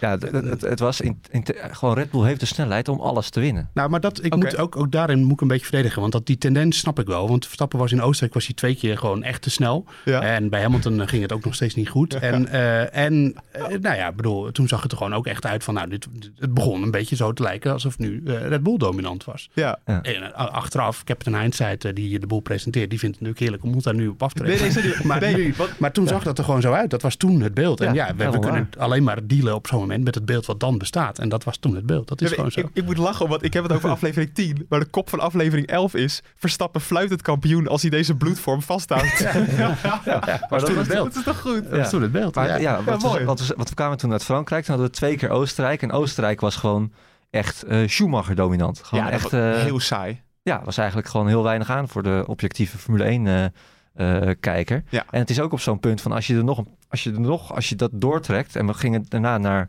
Groot-Brittannië, waar Verstappen ook gewoon de snellere auto had uiteindelijk. eh, win je daar ook, dan sta je gewoon bijna twee Grand Prix zegers voor. Ja. Komt het nieuwe reglement aan, dan gaat, gaat iedereen er volgend jaar kijken. Is het ook gewoon gelopen koers? Ja. Want zo dicht zat het er tegenaan. Ja, en wat opvallend was is dat... En, eh, en, en dan heeft hij Azerbeidzjan dus nog gehad. Ja, dus precies. En, Ja, en precies. Hamilton Imola. Zo zaten we er toen in. Verstappen had eigenlijk alleen nog maar alle, op dat, die fase. Later trok het een beetje recht. Maar in die fase had hij vooral tegenslag gehad. En Hamilton die had. Nou oké, Azerbeidzjan was ook tegenslag. Maar eh, dus we zaten er toen ook zo in van Verstappen staat al ver voor. En had eigenlijk nog verder voor moeten staan. En met de kennis van nu inderdaad de grootste voorsprong eh, in de WK-stand die hij Ja. dat seizoen heeft gehad. Ook omdat Hamilton, vergeten we ook nog wel eens, in die tweede race, hij werd vierde. Ja. Stond helemaal niet op het podium. Probleem aan zijn auto ook wel. Ja, Dat, eh, natuurlijk. ja. Maar Lennon Norris, die snoepte daar een belangrijk puntje weg. Bottas werd tweede. Ehm Perez werd zesde eigenlijk. Ja. Ik kan me die race niet meer zo goed herinneren, moet ik heel eerlijk Ja, dat zeggen. er niet zoveel gebeurde. Nee, twee races in Oostenrijk op rij waarin eh, niet zo heel veel gebeurde. Ja. Nee, nee. Nee. Nee. nee, die race daarna, Silverstone. Ja, gebeurde daar ook alweer. dan laten we luisteren.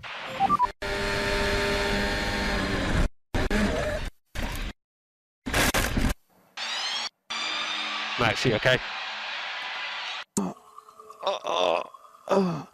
Oh, fuck.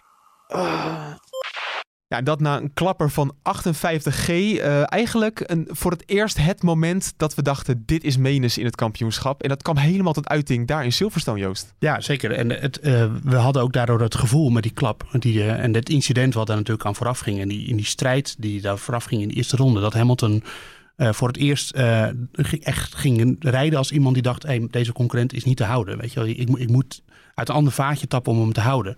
Eh, en ik denk dat dat, dat, dat dat beeld zagen we in de sprintrace die we natuurlijk voor het eerst hadden. Waarin de race pace van de Red Bull duidelijk sneller was. Dat wist Hamilton. Ja. En toen gingen ze dat duel in. En ik had het gevoel dat Hamilton dacht... ik moet hem nu voorbij, want anders, is hij, anders verdwijnt hij gewoon aan de horizon. En, want ja, wat we net zeggen, het was de dominante fase van Red Bull. En dat allemaal, in, met die wetenschap was die klap gewoon... eh, en die crash was gewoon... eh, eh, nou ja, er was heel veel boosheid over. Vooral bij Red Bull, vooral bij Christian Horner. En dat kon ik gewoon goed begrijpen. Vooral door die opmaat. Ja, hoop in, met de kennis van nu. Hè. Kijk, toen in emotie, ik weet niet wat we allemaal geroepen hebben. Maar als we kijken naar de lijn van Verstappen en Hamilton. Wie had er nou uiteindelijk gelijk? En was die straf van 10 seconden, ja, was die wel eh, goed? Ja, ik denk dat het een heel eh, gevoelig punt is en altijd zal blijven natuurlijk. Ja. Ehm, Kijk uit wat je zegt, hè? Persoonlijk, als, ja, als, je, als, je, als, je, als je een beetje weet hoe die bocht daar loopt, daar Cops Corner, ehm, is het logisch eh, hoe beide coureurs eigenlijk die bocht aansnijden. Ik heb er veel beelden gezien op internet waar mensen dan eh, dingen over elkaar heen leggen van zo reed hij in de kwalificatie en zo reed hij in de race en dat is stom en het kan niet en noem maar op. En eh, wat Joost net al aangaf, ik denk je moet, er zijn heel veel factoren die daar meespelen. De eerste ronde, volle tank met brandstof, banden niet op temperatuur. Ehm, het is duidelijk dat Verstappen wat ruimte laat. Meer ruimte dan die normaal zou doen als, die, dat hij zou rijden zonder een andere auto daar. Ehm, Hamilton, die, die moet, ook al ga je zij aan zij die bocht in, omdat je op de binnenlijn zi- zit, moet je meer vertragen voor die bocht. Eh, Dat, zo werkt ehm, ja, natuurkunde nou eenmaal. Je kan niet met diezelfde snelheid de bocht door als je een, als je een, een scherpe radius moet draaien. En eh, dus dat hij hem uiteindelijk op het achterwiel raakte, was wat, vanuit dat oogpunt wel enigszins logisch. Of de straf dan terecht is, ja, ik denk dat we daar heel lang en over kunnen discussiëren nog steeds. Ja. Ehm, ik vind het persoonlijk nog steeds een hele moeilijke. Ik, ik, ik- persoonlijk, wat, wat ik denk wat niet correct was daar, ehm, is dat, eh, wat Verstappen zelf ook aangaf, dat als je weet dat je concurrent ehm, nou ja, toch inderdaad wel naar het ziekenhuis eh, is gegaan voor medische observatie, ehm, om op die manier te feest te vieren. Ik, ik kan me wel verzorg, begrijpen van Hamiltons kant, hoor. de opluchting, zeker na een moeilijke periode in het kampioenschap. Maar ja, eh, zeker als je ziet ook wat voor een sportman hij was, eigenlijk na de laatste race toch ook in Abu Dhabi, na zijn, na zijn verlies daar, ehm, was dat een wat mindere kant, vond ik persoonlijk. Nou, Moek, heb jij ook niet het hele seizoen een beetje gedacht van... oh, als dit 10 seconden is, ja, wat was dat dan in Silverstone? Ik heb dan namelijk persoonlijk wel heel erg. Ja? Ja, ik had daar in, in de categorie van een drive-thru of, of iets anders... eh, had ik dat veel passender gevonden. Ja, maar dat, dat zei Masi toen ook. Ik kijk, ik kijk gewoon naar het incident eh, zelf. En ik Ja. ga niet kijken naar de eventuele eh, gevolgen. Want dan wordt het heel lastig. En dat is hij dus in de laatste race is dat wel, is hij dat wel gaan doen. En dan, dan zie je, dan wordt het ook heel, he- heel lastig als je alles met het uh, ogenschouw van het kampioenschap zou gaan, eh, zou gaan nemen. Dan, dan beland je in een discussie waar je helemaal niet Nee. uit gaat eh, komen. Dus ik vond die benadering vond ik eigenlijk gewoon wel goed. Nee, maar als je het hebt over de gevolgen, die 10 seconden, die heeft Hamilton helemaal geen pijn gedaan. Ja, maar dat wist je toen niet, toen hij die 10, 10 seconden kreeg. Maar dat kon je wel raden. Als je kijkt naar hoe het seizoen verliep, de Mercedes had echt wel een gat van 10 seconden. Ja, Dus ja. het, het zou hem nooit pijn gaan doen eigenlijk. Maar- tenzij Hamilton echt ja. heel slecht zou rijden, toch? Nee, maar je, dus- dat is dus eh, ook zo. Je gaat niet straffen geven op basis van eh, hoe kan ik iemand raken. Je gaat gewoon straffen geven op basis van eerdere situaties. Dat, zo zou het in theorie moeten zijn. Ja. En dan denken, nou, dit staat hierop ongeveer, dit staat daarop. En, eh, eh, en dan is die straf proportioneel. Alleen dan weet je gewoon, als er één dom- dominante auto tegen de andere rijdt en de ene is uitgeschakeld en je geeft de andere 10 seconden, ja, dan gaat het hem niet zo heel veel pijn doen. Al moet ik zeggen dat het hem nog tot de slotfase kostte om, Leclerc. om Leclerc in te halen. Ja. Ehm, ja, ik bedoel, ik vind het ook lastig hoor om helemaal niet naar de gevolgen te kijken. Want je bent ook aan het racen. Je, er zit ook een, een risico bij. eh, en eh, een tikje geven in een chicane waarbij je 100 rijdt is anders dan een tik geven. eh, altijd niet bewust. Ik denk niet dat hij be- bewust echt stappen van de baan reed daar. Dat denk ik niet. Maar nou, ik denk wel dat hij het risico nam. juist in een van de snelste bochten van het circuit. Ja, dan vind ik inderdaad dat, dat het niet helemaal proportioneel was. En dat hij dan wel iets meer straf zou mogen krijgen.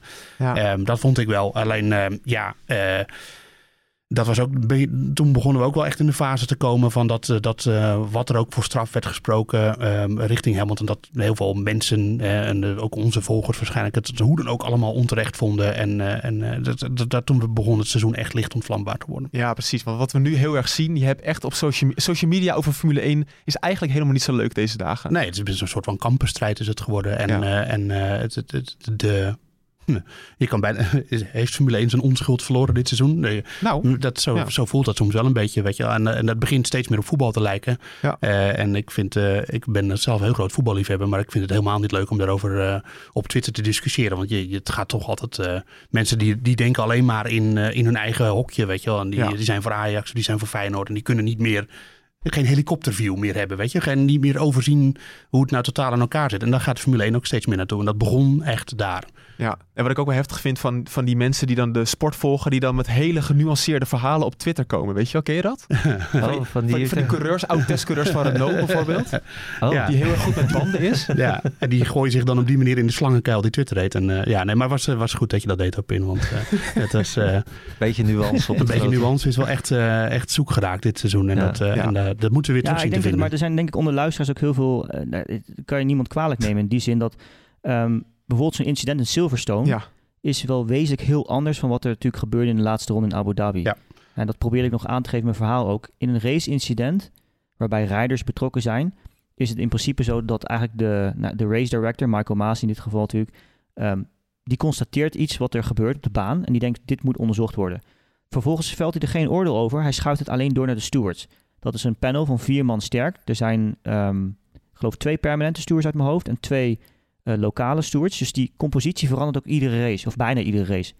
Um, en die gaan zich dan vervolgens erover buigen, al naar gelang uh, de sportreglementen, of die rijder dan wel of niet een straf daarvoor dient te krijgen. Je zegt ook eigenlijk dat, dat de FIA dan een, een complotje heeft om Mercedes kampioen te maken. Dat wordt volledig ontkracht door wat jij hier zegt. Het is elke keer anders. In zekere zin wel, want het, het, je hebt constant, uh, ik, ik, ja, om, om een idee bijvoorbeeld te geven, uh, Carrie Connolly was, uh, die volgens mij onder de Nederlandse fans behoorlijk uh, gehaat wordt als steward zijnde. Ja. Die, um, ja, die was in Abu Dhabi ook gewoon erbij, bijvoorbeeld. Ja. En dat, ja, dat, ik, niet ongunstig voor Verstappen. Nee, sorry, ik, nee, ik spreek mezelf nu een beetje tegen. Ja, sorry. inderdaad. Want in Abu Dhabi, ik wil net eigenlijk zeggen, in Abu Dhabi kwamen de stewards dus juist niet eraan te pas. Nee. Oh ja. Want uh, die laatste ronde was een beslissing die autonoom is gemaakt door Michael Masi zelf. Hè, daar kwam geen steward aan te pas. Dat is namelijk gewoon een pure raceprocedure um, issue, wat hij op deze manier heeft opgelost. Dat, dat, dat, dat wordt vervolgens niet langs stewards gespeeld. Dus ja, in principe is een stewardspanel natuurlijk voor om een soort van onafhankelijkheid um, te behouden en nou ja, verschillende meningen te kunnen horen en uh, die ook tegen elkaar uh, nou, uit te spelen in die zin, of in ieder geval te, af te wegen. Ja. En dat is, uh, da daarom kom je bijvoorbeeld in Silverstone uit tot, tot 10 seconden. Het kan maar zo zijn dat er iemand anders in het stewardspanel za zat die zei van ik vind dat hij een drive-through moet krijgen, maar ja, dat, uiteindelijk is het toch een beetje van dat je ondereen een overeenstemming moet vinden onder de stewards, die vier personen. Ja, daarom zit er ook tegen, altijd een, want die Gary Connolly is geen coureur geweest, tenminste niet dat ik weet. Maar er zit ook altijd een coureur bij en uh, ook vooral om het coureursperspectief een beetje te zien. Um, dus ja, het, er worden echt wel afgewogen beslissingen genomen. En ook met afgewogen beslissingen kun je het uiteindelijk niet eens zijn. Zo simpel is het. Nee. En, en wat Opin zegt over Abu Dhabi, uh, de slotrace. Uh, uh, inderdaad, Masi neemt op dat moment het, de, de, beslissing zelf. Maar de, de, protesten achteraf, die zijn wel besproken met de stewards. Daar zat Gary Connolly, die door heel Nederland wordt gehaat. Niet helemaal terecht, denk ik. helemaal niet terecht, denk oh, ik. Hij wordt gehaat door een paar voorbeelden uit het verleden. Ja, precies. En, en, en, maar de, een, maar als, even uitleggen, want de, ik weet nog eens welke race. Maar ja, Amerika 2017. Dat Verstappen Rijkonen inhaalde door uh, de bocht af te snijden. Oh ja. Maar was daar gewoon letterlijk met vier wielen naast de baan. Ja, er was geen, was geen spel tussen te krijgen. Nee. En, uh, en dat Verstappen daar boos over is, dat begrijp ik ook helemaal. Maar ja, je moet uiteindelijk wel gewoon de regels hanteren. En dat gebeurt niet altijd eerlijk of op een goede manier. Maar dat, dat wil ik ook altijd nog even benadrukken. Dat dingen niet altijd eerlijk verlopen. Waar mensenwerk bij komt kijken, dat is veel vaker gewoon onkunde. Hè? En dat is onkunde. Iedereen heeft onkunde. Onkunde dan dat het bewust is. Dat moeten mensen denk ik goed, goed realiseren. Dat wordt als een scheidsrechter in de finale een discutabele beslissing neemt van voetbal. Dan is dat ook vaak gewoon niet dat hij dat bewust doet. Dat is gewoon vaak Een scheidsrechter wil ook gewoon een goede indruk nee, maken. Maar ja, maar dat is vaak. Dus in dat stewards misschien niet altijd de beste beslissing neemt. Dat Michael Masi niet altijd de beste beslissing neemt. Dat is, dat is gewoon mensenwerk. En dat is niet altijd uh, omdat hij op de hand is van de een of de hand is van de ander. Mensen maken fouten, mensen maken inschattingsfouten. En, eh, en, en dat, is, dat ligt uiteindelijk daar aan de grondslag vaak. En, en niet de, een vooropgezet plan of dat soort dingen. Dat, is, gewoon, dat is gewoon onzin. En nog iets anders met Gary Connolly, wat, wat was in, eh, bij de Grand Prix van Japan 2016. Was er ook een incident tussen Verstappen en Hamilton. En toen had eh, Connolly aan Mercedes gevraagd van die nou een protest in, dan kunnen wij aan de slag. Ja. En daardoor zou Verstappen dan een straf krijgen. Dat is dubieus. Dat, is dubieus. Dat ja. is toen in de media klopt. gekomen. Ja, maar dat is ook een soort van onkunde. Ja. Want dat moet je gewoon als stewards natuurlijk niet doen. Ja. Dat is, dat is, een, gewoon, eh, ja, dat is gewoon niet, niet handig. Maar ook niet van eh, dat, die, dat het allemaal vooropgezet do- doorgestoken kaart is. of zo. Nee, Silverstone staat wel voor, voor de symboliek dat het helemaal de verkeerde kant op ging met, eh, met Verstappen. En misschien nog ineens door de Red Bull, maar wel dat hij daar al 25 punten verloor. Eh, vervolgens had je ook Hongarije, waarin hij van de baan werd gekegeld door Bottas en Norris. In een prachtige Ja, driehoeksverhouding daar. veroorzaakt door Bottas. Ja. Veroorzaakt door Bottas inderdaad, eh, waardoor hij op P9 eindigde. Ja, vanaf toen zag je eigenlijk wel een beetje dat het momentum richting de winterstop of richting de zomerstop naar Mercedes ging. hè? Ja, en daar moeten we ook bij aantekenen dat eh, dat verhaal eh, over de vloer, waar we het in het begin van het seizoen over hadden bij Mercedes, wat, dat ze dus een balansprobleem hadden en dat ze de auto niet helemaal. Nou ja, dat zij meer waren getroffen door die regelwijziging dan Red Bull. Eh, ze hebben in Silverstone hebben ze een groot aerodynamisch pakket eh, geïntroduceerd, een nieuwe met, eh, met een andere vloer en dat soort dingen. En vanaf daar. eh, is het, ging het beter met Ja. Mercedes, konden ze die auto veel beter afstellen. Ehm, dus dat is wat dat betreft ook een keerpunt geweest in het seizoen. Ja, precies. En, eh, En, en ik wil nog even enigszins van over Silverstone dat Verstappen daar ook een motor kwijtraakt.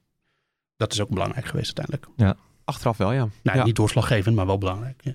Nee, het is ook zo. Dan hebben we de zomerstop gehad en dan waren we toch benieuwd hoe komen de teams eruit. Ehm, maar in België kregen we daar nog niet echt een heel goed beeld van Joost. Helemaal niet, nee. Met, met name door die, door die mega rare kwalificatie. Eh, Russell op P2. Ja, dat was wel, eh, was wel een hele leuke kwalificatie natuurlijk. Maar dat was niet inderdaad een... eh, eh, eigenlijk was dat gewoon heel stom. Want wij wilden allemaal, precies wat jij zegt, een beeld hebben van hoe staat het er nou voor. Want In de vrije training heb je wel een beeld. Maar we hebben dit weekend gezien dat dat niet alles zegt. Nee. En, eh, en eh, vervolgens kreeg je een, een, natte kwalificatie. waarin het was natuurlijk een geweldige kijkerspektakel. En daar moesten we het uiteindelijk mee doen dat weekend. Maar ja, toen wisten we eigenlijk nog niks. En Verstappen die won dan die race de volgende dag. Maar dat was ook een race waarin dan een, duidelijk werd dat ze bij Red Bull een nieuw accupakket, hè, de batterij, Ja. introduceerden. En ehm, dus toen wist je ook van, nou, er is ook nog wel ontwikkeling gaande bij, eh, bij Honda. Eh, maar we wisten niet wat dat betekende. Nee, eh, misschien is het wel de race geweest waardoor Verstappen uiteindelijk kampioen is geworden. Ik zei dat volgens mij de vorige podcast ook wel een Merk je, beetje nou, zo. merk je nou zelf, dat je kan, dat bij iedere Grand Prix kan je dat Ja, natuurlijk dat was de race waarin hij... eh, Omdat, hij, hij heeft in die race weer punten gekregen. Ja. omdat de teams het toen met elkaar eens waren dat we nooit meer zo op een manier wilden eindigen. Oh, die, mooi. ja, oké, dus Ja, niet per se voor de punten. Nee, zeker niet voor de Ah. punten. Nee. Sterker nog, het maakte niks uit, want hij liep vijf punten uit, dacht ik. Ja, het maakt natuurlijk wel uit. Maakt er wel uit, ja. Ja, nee, het maakte zeker achteraf natuurlijk Ja. niet meer. En het was ook een fase waar, ik bedoel, Verstappen eh, heeft daar natuurlijk gewoon ook eh, geluk gehad. Dat, ik bedoel, Ja. jij staat op pole position en er is uiteindelijk geen race. Je mag gewoon de, de pole houden. Ja, dat, ook, Je krijgt wel de helft van de punten, maar dan nog. Dus eh, dat had natuurlijk ook heel anders kunnen lopen. ja, maar- maar, maar als je geen oranje bril op hebt, dat is natuurlijk ongelooflijke onzin. Je hebt geen race gereden en je krijgt gewoon gratis punten in de schoot geworpen. Ja, Toch? Als, Nou als daardoor het kampioenschap was bepaald. Kun je nagaan. Dat, we hebben nu de Abu Dhabi eh, hebben gehad, wat natuurlijk geen, eh, geen reclame was voor de Formule 1. In zekere zin hoe dat werd afgehandeld. Aan de andere kant misschien denk ik ook weer heel, eh, want we hebben wel heel veel miljoenen mensen naar gekeken. Maar, eh, maar die, de, België was zeker geen reclame voor de Formule 1. En zeker niet voor de fans langs de kant. Nee, dat, is- daar is ook genoeg over gezegd. Eh, voor de fans langs de kant, dat was in Zandvoort een stuk anders.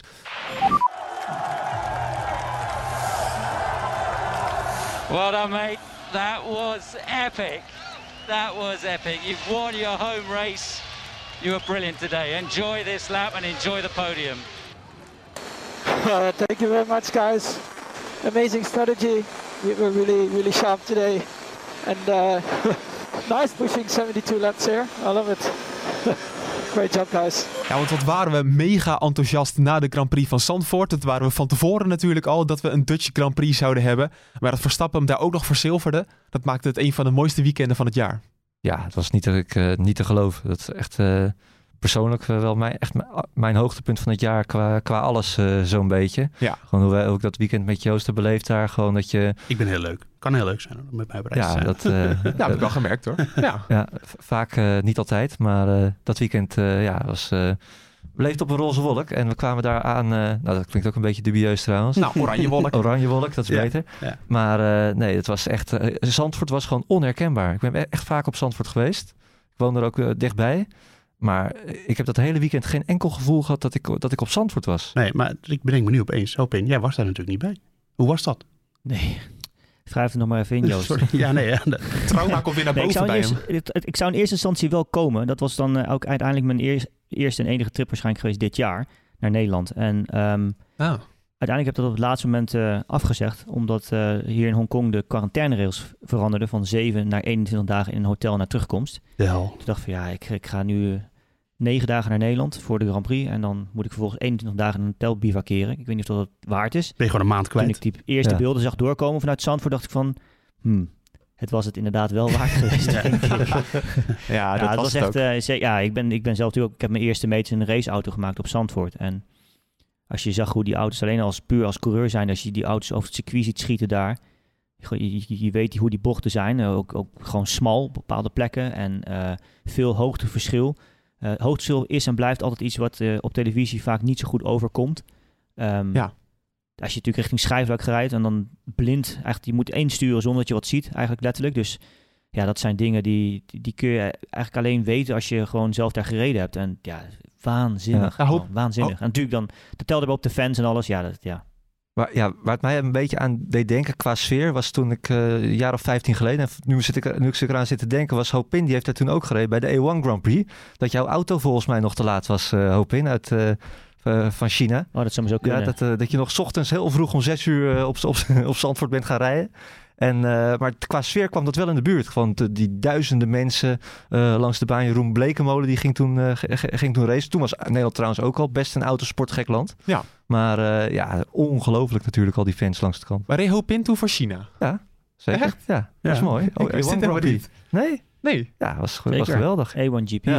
Dat was, De echt, World Cup of Motorsport. Ja. dat was echt een fase dat dat A1GP eh, even dreigde populairder te worden dan de Formule 1. Het- Dreigde. Het was niet zo, maar Nee, dreigde even. Jawel, ah, in, Ne-. Nederland werd er wel echt wel Nee. veel naar gekeken. Hoor. Ja, zeker. En Ja. ook omdat je in Zandvoort, dat je de race had. Maar ja, maar waarom, waarom werd er in Nederland veel naar gekeken, Joost? Omdat je... eh, Omdat ene Jos Verstappen daar Precies. in reed. Ja. Voor Nederland op dat moment. nou ja, maar daarom, daarom dreigde dus die... wat eh, dat betreft... Ik denk dat het eh, qua televisiekijkers op dat moment even niet heel veel uitmaakt. Want je had echt een, een fase dat de Formule 1 gewoon niet zo heel... Was vond dat het niet een dominante speel? Maar het, waren waren spannende auto's om te in te rijden ook. Grote banden, veel bandenslijtage.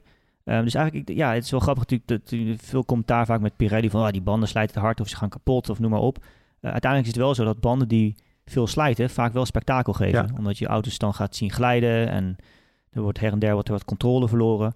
Ja, dat hebben we natuurlijk dit jaar ook wel in genoeg races gezien, denk ik. Ehm, dus misschien was dat een van de ingrediënten. Maar goed, dat, ter- dat terzijde. Dat terzijde. Genoeg over de A1 Grand Prix. Ja, wat een slecht jaar had jij Hopin. ja, je hebt helemaal niet op het podium op te, ge- ja, meteen op te zoeken. Ik wist dit echt niet, sorry. Nee? Nee, je hebt helemaal niet op het podium geëindigd. Nee, Oh, nog Ja, één ik, niet. keertje. ik heb ook maar een paar races. Ik heb ook maar een paar races gedaan volgens mij dat jaar. Ik oké. me goed kan laat je niet uit de tentlok op in. eh. Ik wist het echt niet. Ja, wel eh, nog, nog steeds de, e- de enige en dat zal ook voor altijd zo blijven natuurlijk. De enige feature race podium eh, plaats ooit gescoord voor, eh, voor het team. Dus ja, Geweldig. Netjes. dat, dat gaat nooit meer veranderen. Nee, precies. Ben ik bang. Ik denk niet dat de A1 Grand Prix ooit nog weer herstart wordt. Dat, eh, dat zie ik niet gebeuren. Nee. Nee, dat is ook alweer zo. Dan, ehm ja, Zandvoort was geweldig. Uit Een hele saaie race. Als wij eh, in Turkije deze terugblik zouden maken, zouden we het er amper over hebben, denk ik. Nee, nee hoor. Gebeurt niet heel veel. Opnieuw een 1-2'tje voor Lewis Hamilton. Of voor, voor Verstappen en Lewis Hamilton natuurlijk. Wat wil je nog zeggen, Moek? Nee, je zei een hele saaie race, maar dat valt ook wel weer te... Nou nee, daar ben ik Met, niemand, eh, niemand die het er meer over heeft. ben ik met Bas eens. Dat Ja, het was wel in de onderste, vijf, toch? Qua publiek en zo is dat de hele wereld Nee, dat klopt, overgegaan. maar dat was wel een. Oké, door. door. Ja, toch? Ja. Eh, dan door met Italië. Laten we daarvan luisteren hoe dat ging. You'll be racing Hamilton. That's what you get when you don't leave the space. Weet je wat de kop van die podcast was van ons? Ja. Geweldig. Dit is niet de laatste crash tussen Verstappen en Hamilton. Ja, als je het hebt over kennis, jongen, dan moet je bij de boordradio zijn. Het was wel de laatste crash. was wel de laatste crash, toch? Of niet? Nou, ja, nou, heel eh, Saudi-Arabië vergeten. Nou, maar dat was niet een crash. Oh, eh, dat ja. was niet een crash. Maar oké, toen reden ze Oh, dat tegen vind ik wel, nou ja, vind je dat geen crash? Oh, dat vind ik wel. Dat Hamilton achterop? Nee, dat vind ik geen crash. Nee, dat is dan weer een aanrijding. Maar goed, voordat we weer een Nee, dat, ja, discussie oké, dat is wel interessant. Ja, Maar feitelijk gezien hadden we natuurlijk wel gelijk. Want, maar toen zagen we echt van, oké, we hadden Silverstone al gehad. Dat was al controversieel. Maar dat ze nu op deze manier weer tegen elkaar klapten. Ja, dat, dat maakte het seizoen echt rond. En we hebben de iconische foto van dit seizoen te pakken. Ja, en ook pijnlijk voor Hamilton vooral. Hè? Want die was juist, die, die moest daar moest hij zijn punten pakken. Ja. En eh, ja, dat deed hij niet. Versta- wat dat betreft had hij daar ook meer te verliezen eh, dan Verstappen dat daar had. ja, eh, kunnen we ook eindeloos over blijven analyseren. Maar had- voor Hamilton deed het veel meer pijn. Ja, dat is echt zo. Want Hamilton was inderdaad op jacht om Verstappen in te halen. En misschien wel gewoon die wedstrijd te gaan winnen. Had daar de veel snellere auto. Ja, maar toch wil ik wel dat nog... heeft het seizoen bepaald. Ja, een van de momenten. Maar toch wil ik wel benadrukken dat, dat, eh, dat ook Monza heel gek misschien toch een indicatie was hoe goed Red Bull er wel niet was dit seizoen. Dat zei want, jij toen ook. Ja, want de Red Bull was gewoon ongebruikelijk goed op Monza. Ja. En, eh, en dat is denk ik dan, ik denk dat je daar wel kan zeggen dat het vooral de verdienste was van Honda. Ja. Dus, eh, en, en, eh, da- ja, dus ik denk dat, eh, dat je dat toch ook wel, dat is ook wel een heel belangrijk moment in het seizoen geweest. In allerlei opzichten, die race. Ja. En ook die fase waarin, waarin met Rusland en Turkije en waarin we wisten van nou, Mercedes moet hier echt een gat gaan slaan op, of tenminste een gat gaan dichten op Verstappen. En dat gebeurde niet. En eh, dat kwam dan uiteindelijk later, maar toch. eh, ik denk dat Verstappen daar op, op een bepaalde manier door heel goed schade beperken in die fase wel het seizoen ook weer gered heeft. En Ja. dat is een titelstrijd. Ja, begon, daar begon ook een beetje volgens mij de situatie waarin natuurlijk dat, het, het kwam eigenlijk zo dicht bij elkaar dat het ook een beetje onvoorspelbaar werd. Hè? We, we praten natuurlijk altijd graag over, nou dit is echt typisch een Mercedes-baan, dit is typisch een Red Bull-baan. Maar het ging eigenlijk, op een gegeven moment werd het vanaf dat moment, vanaf de Italiaanse Grand Prix, Monza, eh, begon het eigenlijk erop te lijken dat ja, als je als team zijnde net die band niet goed in het window weet te krijgen of net een beetje verkeer hebt in de kwalificatie, net wat ongelukkig uitkomt op bepaalde punten, net dat zonnetje achter de wolken verdwijnt of, of juist tevoorschijn Ja. komt, dat, dan in één keer, dat je dan niet meer staat. En, en, en dat het dan de andere kant op valt. En dat gaf inderdaad wel aan hoe, ja, dat we gewoon een, eh, nou ja, ik wil niet zeggen een level playing field hadden, maar dat het wel eh, dusdanig dicht bij elkaar zat, dat eh, echt de, de, de details de verschillen gingen Dat heeft. Verstappen echt heel vaak gezegd. Dit is eh, zeker die tweede seizoen zelf, dat het echt op details aankwam. Ja. En eh, nou, dat, dat bleek ook heel vaak zo te zijn. Maar over die crash, Moeke, met de kennis van nu. Het was Verstappen zijn fout. Nou ja, Verstappen gaf nog een beetje gas bij in die, eh, tussen die bochten in, zeg maar. Ja. Ja. Maar ja, tegelijkertijd, hij kon ook meer risico nemen. Hij vond het minder erg dan als ze zouden crashen dan dat het eh, voor Hamilton was. eh, Ja, zoals ik dat net uitleg. maar waren ze daar toen al een beetje mee bezig? Ja, dat denk ik wel. Ja, Tuurlijk. Dat Ja. speelt toch mee? Het was voor, voor Verstappen voordelig dat ze crasht. Ja. Ja. dat zo simpel is het Ja, gewoon. dat is wel Ja. waar, ja. En, en dat is ook weer zo'n moment eh, dit seizoen dat je, dat je Het probeert... moment van het seizoen. Nee, zo'n moment. Heeft wel dit heel se- seizoen beslist hoor. hé. Nee, ik bedoel, dit was zo'n moment dat je kon zien van... eh, ook zo echt zo'n typisch zo'n moment van probeer het eens vanuit andere perspectieven te kijken. Ja, Dat Verstappen gewoon normaal die, dat, dat die daar de, de, de, de, de chicane ingaat. En dat Hamilton eh, eh, uit het niets nog een aanval inzet. En dat ze dan samen zo in de grind... Hoe had Nederland dan gereageerd? Ja. Ik bedoel, stel je dat ook even voor. Ehm, Verstappen die, eh, deed uiteindelijk niet iets wat buiten de regels was of zo. Maar dat was wel een actie op het randje, zeker ja, weten. het was zijn fout dat de crash ontstond. Ja, nou, Of, ja, fout niet, maar wel. Hij was wel de aanleiding. schuld. Hij was, was, Meer was wel de aanleiding. Ja. En, eh, en, maar dat is Verstappen. Verstappen is altijd op het randje. En dat heeft hem ook de titel opgeleverd op, op, voor een groot deel. Dus, eh. En dit was ook op het randje en misschien net erover. Hij ging in ieder geval over de Mercedes. Daar had Verstappen geluk. Weet je waar hij ook geluk had? In de race daarna, in Rusland. Ja, Want, het, want ja. ja, we keken naar de weergoden en het kwam allemaal uit. het regenbuitje, ja. Over tactisch eh, goed, eh, goed zijn gesproken. Ja, ook daar al natuurlijk op de perfecte momenten, het perfecte moment een pitstop gemaakt. Eh, ook wel weer knap hoe, hoe die daar dan weer tussendoor rijdt. En ook hoe die de regie blijft houden. Want kijk naar Lando Norris, wat daarmee gebeurde. Ja. Die weigerde om binnen te komen. Die verloor zijn hoofd. Gewoon. Die verloor zijn hoofd, ja. ja, ja, ja, ja. Ja, het was grappig. Die, die race was natuurlijk de race dat hij achteraan startte door de, door de motorwissel. En eh, ik vroeg hem toen op zaterdag van, eh, morgen heb je al een beetje chaos nodig. Hè? Dan, normaal geeft hij op dat soort dingen geeft hij niet echt antwoord van, eh, ja inderdaad. Maar nu, ja, hij had wel een beetje chaos nodig. Maar als we er dan zelf maar niet bij liggen, nou, dat is exact wat er gebeurde. Ja. En, maar ik vind altijd, chaos kun je van profiteren, maar je kunt er ook op inspelen. En dat is wel wat ze deden in de slotfase. Dus dat was ook weer... En waarin Verstappen, wat jij net zegt, zelf de regie nam ook. En van wat er, wat er moet gebeuren. Dus ik vond dat ook gewoon voor een groot deel kunde van Verstappen wat daar gebeurde. En eh, dat, daar moet je hem ook voor prijzen. Maar, eh, maar ook, daar wil ik aan toevoegen, maar ook ehm, hoe belang, daar blijkt ook weer uit hoe belangrijk de relatie is tussen een race engineer Vertrouwen. en de coureur. Vertrouwen op... eh, Ja, ja. het- uiteindelijk het vertrouwen. Je zag dat natuurlijk bij Norris ging dat natuurlijk fout in die zin. Dat eh, in zo'n situatie als een baan nat begint te worden, dan probeer je als engineer eigenlijk altijd te vertrouwen op de rijder. Want de rijder die heeft uiteindelijk wel het beste zicht, het gevoel natuurlijk ook, eh, wat er op de baan gebeurt. En eh, het probleem is alleen als het op een gegeven moment te nat wordt, dan verliezen die banden, die, die slicks, die, daar kun je op, eh, op- zelfs met wat waterbaan nog relatief mee rijden. Tot het moment dat die temperatuur, echt te veel temperatuur beginnen te verliezen. En dan heb je echt, is dat echt alsof je op ijs rijdt. En als, als engineer heb je in de pitwall natuurlijk wel al die data beschikbaar. Maar het is, net, het is echt heel fijn die balans ertussen. Van in hoeverre ga je puur op de rijder af. De rijder maakt uiteindelijk denk ik wel de laatste call va- vaak. Maar ja, in dit geval, ja, ik heb die boordradio ook wel tien keer teruggeluisterd. Tussen, tussen Verstappen en Lambiase. eh, Op dat moment dat het echt begon te regenen. Ja, is prachtig. Ja. Ja. daar kan ik echt van genieten. Lambiase, als we die gelijk ook even eruit mogen pikken, dat is wel echt... eh, ehm, Dat is de GP waar we het steeds over ja, hebben. Giampiero Lambiase. Hij klinkt heel Italiaans. Hij heeft volgens mij ook een Italiaans paspoort, maar het is gewoon een Brit natuurlijk, hoe die eh, klinkt op de radio. Uh, well done, Max. Well done, mate. That was absolutely on merit. On merit. Flawless drive. And uh, happy birthday, mate. Ik vind hem zo cool. Hij is zo cool. En als je Bono van uh, Pieter Bonington van uh, Hamilton hoort, die is toch vaak wat paniekerig. Ja. En ik, ik denk dat je als coureur zo gebaat bent met die rust in je oren. Ik had eh, GP is een beetje ondergesneeuwd in alle hectiek toen Verstappen over de finish kwam. Zij eigenlijk heel weinig, want het was vooral Albon en, uh, Nou, zo en Horner. sprakeloos. Ja. Ja, maar ik zag hem later dan met zijn vrouw en zijn kinderen, zag ik hem geloof ik omhelzen. Ja. Dat deed mij ook wel wat. Want het is ook gewoon zijn kampioenschap. Zeker weten. Ja, het is van het hele team het kampioenschap. Ja, Ja, ja, Ja. zeker. En Spelen mede allemaal- door de kal in Rusland. Eh, onder andere. Maar eh, dat- ja, nee, dat is gewoon... eh, dat is het hele seizoen bij elkaar opgestapeld natuurlijk. Ja, het was... eh, de- Ja, maar als coureur zijnde, joh, je hebt veel contact met iedereen binnen het team. Maar ik, ik durf eigenlijk wel te stellen dat Verstappen bijvoorbeeld, die heeft waarschijnlijk veel meer contact met Lambiase dan die bijvoorbeeld met Christian Horner heeft, om, maar- om maar iemand te Ja. noemen. De, de, de engineer is eigenlijk degene met wie je bijna iedere dag, op iedere dag van de week wel contact hebt. Al zit het over te praten, heb je dit nieuws gezien of dat nieuws gezien of eh, jeetje, wat slecht weer vandaag hè. Ehm, noem maar op. Eh, ja, dat, het, is echt een, eh, het moet echt een vriend bijna van je zijn om, eh, om die band te kunnen hebben, om in zo'n race en om zulke soort situaties te kunnen excelleren. Ja. Nou, inderdaad, want je moet ook, je hoort vaak natuurlijk, eh van het zijn de kleine details hoor, maar dat tijdens de race dat, dat eh, de GP aan Verstappen vraagt van, hey, bij de eh, volgende pitstop, wat wil je met je voorvleugel? Dat soort dingen. En dan moet de engineer er ook van uitgaan dat de input die hij krijgt van de, de coureur, dat die goed is. Hm. Wist je trouwens dat GP ook de race engineer van Perez is geweest? nee. Ja, bij, eh, bij Racing Point, eh Force India, Jordan. Hoe heet Oh, dat weer? geweldig. Ja, Oh, wat grappig. grappig hè? Ja. Ja, dat is, wel, dat is wel leuk. Wat ook opvallend was eigenlijk, is dat het de eerste overwinning van Hamilton op eigen kracht was in 10 races. Ja. Want Silverstone, die wil ik dan toch niet even meerekenen, want daar kegelde die Verstappen de baan af. Ja. Eh, maar toen pas won Hamilton weer eens in een hele lange tijd.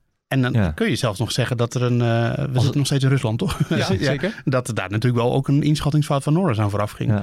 Dus zelfs dat was niet eens helemaal op eigen kracht. Nee, precies. Dus Nee. eh, toen hadden we nog steeds eigenlijk in die bordradio podcast dat we dachten, nou, dit wordt gewoon, eh, Ja. dit, dit wordt, dit wordt een, een wereldkampioenschap voor Verstappen. Ja. En toen kwam daarna kwam Turkije, het feestweekend van, van Honda, de witte livery. De mooiste auto van het seizoen die we gezien hebben. Ja. Misschien met die van Monaco en McLaren, toch? Ja, die vond ik uiteindelijk mooi. Ja, ja. Meer, meer historie. Ja. Eh, en, en toen werd Hamilton vijfde. Toen dachten we ook nog, nou, dit wordt een kampioenschap voor Verstappen. Nou, ja, nou je zag daar wel al, ik was daar toen bij natuurlijk. Ja. En de tendens was daar wel dat, eh, ook, want ze hadden ook die nieuwe, die nieuwe motor. En die was toch ook wel heel erg snel. Zagen we aan Bottas die de wedstrijd won. Ja, en ook, eh, het- want het, het- dat motorvermogen viel door de regen ook een beetje weg in de race voor, eh, eh, voor Hamilton. Ja. Ik denk als het daar droog was geweest, had het er ook wel anders uitgezien voor, eh, voor Hamilton en ook eh, Verstappen. Had hij nog wel makkelijk naar het podium gereden, denk ik. Dus Ja, die eh, omstandigheden, daar kan je ook onder, eh, dan zit het mee. ja precies. Ja, dat is gewoon zo. Dat Ja. is dat allemaal bij elkaar opgeteld. eh. Ja, en toen, daardoor dachten we, kijk, dit zijn races, daar hebben we het uitgebreid over gehad. Maar toen gingen we naar Amerika. En toen dachten we van, nu moet het gaan gebeuren. Als Verstappen hier al gaat winnen op een Mercedesbaan, ja, dan wordt het een, eh, een geweldige afsluiter. Ja, nou ja, dat was ook een beetje een eh, maken of breken moment eigenlijk voor hem. eh, want toen begon, wel duidelijk te worden af te tekenen dat Mercedes de overhand in inmiddels had met een snellere, iets snellere auto. Ehm, en dus ja, dan kun je gewoon. Het is altijd heel moeilijk om te zeggen van eh, was nou, eh, wat, wat levert nou de meeste, het, het grootste aandeel in een zege? Is het de coureur of de auto? Ehm, ik, ik vond eh, Austin een coureursoverwinning. Uiteindelijk. Ik denk dat de Mercedes daar de snellere auto was en dat Verstappen het gewoon zelf gewonnen heeft. Eigenhandig. Jij zei toen, Joost, en toen dacht ik van, ja, wat een onzin. Maar achteraf was dat toch eenmaal van zijn mooiste overwinningen van het Ja. seizoen, van Verstappen. Nou, daarom, precies om wat ik net zeg. En, Ja. eh, en dat is echt een super technische baan. eh, en een, eh, en een, denk ik een, wel een van de meer uitdagende banen voor de. Ook een baan waar je snel, denk ik, als coureur, dat kan Alpine natuurlijk veel beter beoordelen. eh, daar waar je sneller foutjes maakt. Eh, en daar was hij gewoon subliem, echt subliem. Mhm. Nou, ik denk één ding wat daar natuurlijk ook eh, voor mij best wel opviel, is eh, van tevoren iedereen dacht dit is typisch een Mercedesbaan. En dat komt mede doordat, nou ja, eh, het is relatief snel. Uh, maar een van de dingen die er in, in, in Austin een grote rol spelen is de bandenslijtage. Het asfalt is daar behoorlijk grof. De temperatuur is relatief hoog. Uh, het is best hobbelig, dat hebben we natuurlijk uh, behoorlijk duidelijk kunnen zien ook. dat zorgt vaak voor, voor veel slijtage. En ja, dat was iets natuurlijk... We weten dat Mercedes dat dit jaar iets beter voor elkaar had dan Red Bull. Ja, als, men, als Verstappen dan, dan zo weet te managen dat het zijn kant op valt, dan ja, dat is gewoon, Ja, knap. ja, we hebben wel eens eerder gezien dat hij dat kan natuurlijk. Dat hij ook eh, in Austin heeft hij wel eens een keer een hele lange stint op softbanden gereden. Waar hij uiteindelijk derde nog door werd. Dus we weten dat hij dat kan. Maar ja, dan moet je dat in die Als je dan eindelijk in die titelstrijd aanbeland bent en het dan weer doen. Ja, dat is gewoon ook, vind ik, mentaal en eh, gewoon echt kwaliteit. En eh, Ja, is eh, eh, Verstappen nou eigenlijk de bandenfluisteraar die wij... eh, die titel hebben we hem een beetje gegeven in Barcelona 2016. ja. Is hij dat nou eigenlijk? Nou, ik denk dat, dat ehm, Hamilton net zo goed heel goed kan omgaan ja. met de banden. En Perez kan het ook heel goed weten we. Dus dat, Ja. dat, en dat, dat is ook weer afhankelijk. Het ene weekend doet Verstappen iets met zijn banden en zijn gaspedaal en zijn rempedaal. Waardoor hij de banden heel goed houdt. En dan het volgende weekend door omstandigheden kan Hamilton dat weer doen. Ja, dat is niet altijd goed te zeggen, denk ik. Ja. Hangt natuurlijk heel erg van de auto af. Hè. Ik wil niet vooruit springen, maar als je kijkt naar Abu Dhabi bijvoorbeeld, ehm, waar Mercedes met Hamilton met veel meer downforce reed, neerwaartse druk, dan is het, wordt het ook veel makkelijker om je banden te managen uiteindelijk. En dat wat Hamilton deed wat dat betreft in, in Abu Dhabi echt briljant. Eh, hoe die eigenlijk eh, nou ja, op een set die dusdanig oud was, zelfs op een gegeven moment wist te pareren dat Verstappen opnieuw ging. En nou, noem maar- ik, ik ga niet vooruit springen, zo, dat doe ik misschien. Ja, nee, dat is ook wel zo. We hebben het zo meteen nog even over. Ehm, dan eh, toch wel een, een mooi moment voor de Boordradio, onze podcast. Het debuut van Hopin in Mexico. Mexico. Of is dat een... eh, nou, er was één iemand op Twitter die zei van... eh, die Hopin die moet je er niet bij hebben, want de chemie is weg. Ja, je, je hebt geluk, het is de laatste vandaag, hè, dus eh, jullie horen me niet meer waarschijnlijk. Ja, nee, Hopin, ja, dat is één reactie die we hebben gehad. Voor de rest eh, zijn de mensen vooral heel positief geweest. Heel vooral door ja. jouw technische duiding. En net even misschien ook wat minder met een oranje bril op eh, ja, hoe jij kijkt naar de sport. Nou, alsof wij allemaal zo'n Ja, dat oranje ik bril- dat blijf Dat je steeds maar benadrukken. Maar Dat spreek wel voor mee. jezelf. Nou, ik moet wel zeggen, ik heb Joost inderdaad, dat heb ik vorige podcast ook al verteld, in Abu Dhabi meegemaakt toen Verstappen wereldkampioen werd. Hij zat in caps lock zat hij te twitteren, maar echt, hij vertrok geen spier op zijn stoel daar. Nee, daarom. Ik ben gewoon een professioneel eh, naar de sport aan het kijken. Geloof mij, Joost heeft echt geen oranje bril. Moeke en ik wel een beetje. Nou ja, heb ik ook al Boeken, honderd keer, eerlijk. heb ik, maar heb ik al honderd keer uitgelegd. Het is gewoon, eh, het is helemaal niks. Niet erg. Met de Olympische Spelen hoop je ook dat Nederlandse sporters eh, Nee. winnen. En als je naar Oranje kijkt, hoop je ook dat, dat het Nederlands elftal wint. Ja. Ja, maar ik vind een beetje in de Formule 1 wereld Ja. is er een soort van tendens gaan. Het is een soort taboe dat je niet blij mag zijn voor Verstappen. Nou, vind Nou, ik ook wel meevallen. Ja, dat leg je jezelf ook misschien een beetje op. Ja. Ja, ik voel me soms Je een beetje worstelde zelf er vooral heel erg Ja, mee, denk ik. dat Maar idee wil je heb met ons ook. over praten? Nee, maar je hebt best wel reacties, ook op de bordradio, van fijn dat jullie dan geen oranje bril op hebben in vergelijking met andere podcasts die dat zeker wel Nee, hebben. ik denk dat dat ook te maken heeft met waar we het eerder over hadden. Weet je, wel, dat je hoe je naar situaties kijkt. En ehm, eh, ik denk dat wij gewoon altijd wel proberen dan gewoon analytisch te kijken naar de zaken. Ja, precies. En, en dat staat los van of je blij bent met een uitslag of niet. Dat Ja. zijn twee verschillende dingen. Maar dat, je, je hebt pas een oranje bril als jij zaken gaat verdraaien. omdat je graag wil dat Precies. iets zo is. En Ja. dat het dan in het voordeel van Verstappen is. Weet je, dus als jij gewoon eh, die situatie in Abu Dhabi in de eerste ronde. gewoon een plat zegt van ah, Hamilton was helemaal fout daar. omdat wij graag willen dat Verstappen daar gelijk heeft. Maar zo zitten we. Dat, dat, dat is een oranje bril, denk ik. En eh, als jij graag wil dat Verstappen wereldkampioen wordt als Nederlander. dat is wel, volgens mij niet per se. Ehm, Een oranje bril. Nee, want oranje bril betekent letterlijk dat je dus een vertekend beeld hebt, omdat jij in je hoofd vooroordelen hebt en wensen. Ja. Hm, En dat is zo. denk ik wat anders. En, en, en, en daarnaast, Patrick heeft, heeft natuurlijk ook zijn hoofd op het hakblok gelegd, hè, na de ra- laatste race met mij samen. Ja. Dus wat dat betreft Ja, ook dat. want jullie schrijven, Ja, schrijven klopt. natuurlijk elke race een analyse. ja. Eh, en toen waren jullie best wel pro, eh, pro Mercedes. Nee, maar dat is dus nee, ook niet waar. promissen. Nee, Nee, nee. nee, nee, nee. nee. Ja, ho, was, ho. doe je het weer. Jij, jij probeert nu ons te Ja. framen, hè? Ja. Te veel Gené en je wordt weer wakker. Pro Mercedes. Ja, Nee, je bent onderdeel van de media, daar moeten we framen natuurlijk. Ja, nee, nee, nee, we hebben ons. Nee, wat nee maar ik, ik wil het wel uitleggen. Wat wij gewoon, wij proberen ons, of we, proberen, we proberen ons gewoon altijd aan de feiten te houden. Gewoon Ah, nee, uit- natuurlijk. uitzoomen, kijken wat er aan de hand is en dat opschrijven. Ja. En helemaal met Hopin erbij, Ja. die dat vanuit een geweldig eh, coureursperspectief kan beschrijven. Ja. Zo proberen wij onze nieuwsstukken en onze duiding eh, te geven. Ja. Wel met, met een, met een Ja, nee. Nee, Nee, nee, Mercedes-bril. nee, nee, nee, is heel flauw. Nee, dat is, dat is helemaal zo. En dat zag je ook een beetje terug aan de kop van, ehm, eh, van die podcast. Verstappen's actie in Mexico was kampioenswaardig. Ja, volgens mij heb ik dat gezegd. Niet, eh. Was dat jouw uitspraak? Ja, ik was ook in Mexico en die sfeer daar was ook gewoon... het was een, eh, dat was ook een fantastische race eigenlijk. Dat is eh, een beetje ondergesneeuwd misschien. We, we hebben het toen wel besproken. Maar eh, ook dat was natuurlijk gewoon Verstappen zelf die het doet. En, en hij had uiteindelijk denk ik op de zondag wel de snelste auto ook. Maar ja, dan moet je het toch nog maar doen in de eerste bocht. En dat was toch ook wel... uiteindelijk, als jij zo graag inderdaad, en terecht ook wel... momenten eruit wil pakken waar, waarop, uh, waarmee hij de titel gewonnen heeft, dan was dat een van die momenten. Zeker weten. Want anders was hij misschien de Mercedes nooit voorbij gekomen. In ieder geval niet allebei. Oh, dus ik ben net drie keer gecorrigeerd. Maar dit was wel kampioenschapsbepalend? Ook een van die momenten waarin het, uh, ja, nee, dat waarin het wel. lukte. Ja.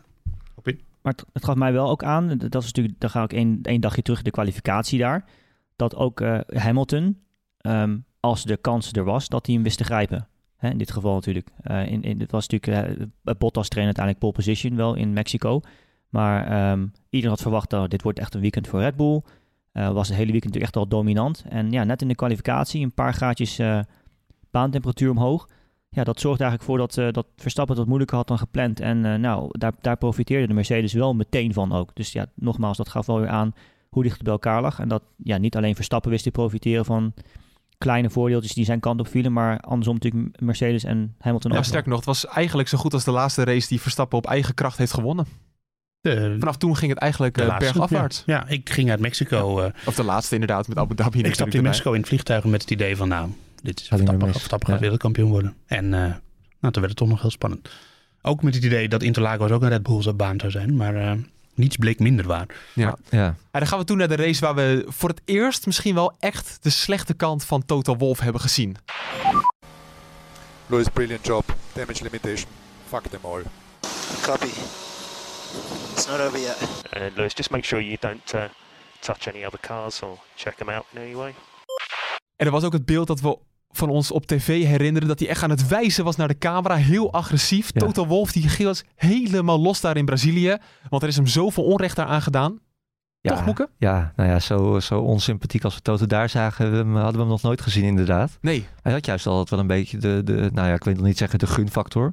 Maar uh, deze kant van Toto, ja, die, die kenden we allemaal nog niet. Nou, ik vind het leuk dus dat ik, uh, ik zat van de afgelopen week zat ik naar uh, fragment op YouTube te kijken. En ook even, ik klikte even een moment van verstandsverbijstering op een uh, fragment van uh, Voetbal Insight. Maar daar weet René van der Gijp zelfs wie Toto Wolf is. Dat, ja? dat je dus, uh, in mijn Formule 1 bubbel is, was altijd gewoon een soort van afgesloten. En nu in ene praat heel Nederland, heel Nederland weet wie Toto Wolf iedereen. is. Dat zo, ja, iedereen. Ja, en dat is ja. ook wel, wel, wel, grappig. Maar ook daarvan, als we dat moment in de kwalificatie er even uit kunnen pakken, dat Hamilton zijn auto werd afgekeurd probeer eens van de andere kant te kijken. Stel je voor dat Verstappen daar uh, pole position had getraind en, de, uh, en zijn auto... Uh, ja, dat noem je dat. is het zo? Ja, zeker. Train je pole position? Ja, dat is de kwalificatietraining. Ja. ja. Oké. Okay. Oké, maar goed. Stel je voor dus dat Verstappen daar de kwalificatie, de pole had gepakt. Ja, en oh, dat nu die, snap ik het. Ja, en, en ik zag je helemaal in verwarring. En dat zijn achtervleugel afgekeurd wordt om, om een, uh, een uh, iets wat niet helemaal reglementair is, dat klopt, maar daar waar hij geen voordeel van heeft. Nee. En, en dan moet hij achteraan starten. Was terecht dat het gebeurde, want regels zijn regels, zo zijn we ook wel weer. Maar ik bedoel, dus ik snap de woede van, uh, van Toto Wolf, tenminste de, de verontwaardiging snap ik daarin ook wel weer. En dat bouwde zich natuurlijk op in het, in het, in, in het, in, in het weekend heen en door het weekend heen. En dan kwam ook nog dat moment waaruit Verstappen, Verstappen verdedigde uiteindelijk in die race, dat Hamilton achter hem zat en dat, dat, dat deed de wedstrijdleiding niets aan. Ja, ik bedoel... Het is allemaal uh, makkelijk. Uh, als je het hebt over een oranje bril, uh, dan moet je ook zeggen van je moet ook af en toe kijken door de andere bril en hoe zij dat beleven. En dan kan je je daar ook wel weer in verplaatsen als het goed is. Ja. Dat dat opborrelt, dat je denkt van ah fuck, wat worden we hier genaaid zeg. En eerst die vleugel al en dan nu Verstappen die rijdt helemaal gewoon van de baan af en de wedstrijdleiding doet er niets aan. Dan voel je je ook genaaid. En bedoel, ja, daar moet je ook naar kijken. Dus ik kan die emotie wel voorstellen. Aan de andere kant kun je ook zeggen, Toto Wolf, je bent een teambaas, uh, je bent multimiljonair, probeer een beetje, probeer een beetje normaal te doen alsjeblieft. Ja, het was wel, uh, Verstappen kreeg voor het moment met de vleugel 50.000 euro boete. Ja, dat is een uh, dure aanraking. Nou, misschien ook achteraf niet, want daardoor kwam wel de, de, de attentie te liggen op de achtervleugel van Mercedes, die toen heel omstreden was. Nou, ik denk niet dat hij dat Hamilton... Extra. Ja, oké, okay, maar ik denk, ik denk niet dat dat iets aan bijgedragen heeft, eerlijk gezegd. Okay. Want um, Red Bull had toen ook al een heel pakket met allemaal papieren ingeleverd bij de keuring van over, of bij de FIA van wat er allemaal volgens hun mankeerde aan de achtervleugel hm. van Mercedes. En uh, dat die, die achtervleugel uiteindelijk afgekeurd werd, dat, heeft, dat had daar niks mee te maken. Nee, zei toen in de, in de podcast destijds dat je wel gelooft dat er iets met die achtervleugel was. We hebben hem daarna ook gewoon nooit meer gezien, hè? Althans, niet voor zover wij weten. We hebben er niets meer over gehoord. Nee, precies. Ja, ja. Nee, ja, er zijn natuurlijk veel filmpjes en foto's verschenen op internet daarover. Goed, het, blijft een beetje een kat en, een kat en muisspel natuurlijk. Hè? En uh, dat was zeker, het begin van het seizoen was het omgekeerd. Dat Mercedes Red Bull ervan beschuldigde van de flexibele achtervleugel. En uh, dat is met heel veel dingen in Formule 1. Als het niet gemeten wordt of als het niet uh, te meten is, omdat de bepaalde procedures zijn zoals ze zijn, dan, is, dan rij je in principe met een legale auto. Kijk, als je op een gegeven moment als dus VIA met een nieuw technical directive uitkomt van we gaan nu zo op deze manier meten om, nou, vanwege die, die reden, ja, dan, dan moet je als team aanpassen om aan die reglementen te voldoen. En dat is, ik, ik blijf het mezelf een beetje herhalen, maar dat is denk ik ook het belang van een goede set reglementen. Of dat nou technisch of sportreglement is, um, dat bepaalt toch ook de integriteit en de eerlijkheid van een sport uiteindelijk. Ja, en uh, als ik daar ook eventjes aan toe mag voegen, is, moet je ook niet vergeten dat we dus eerder in het seizoen ook een situatie hebben gehad die omgekeerd was.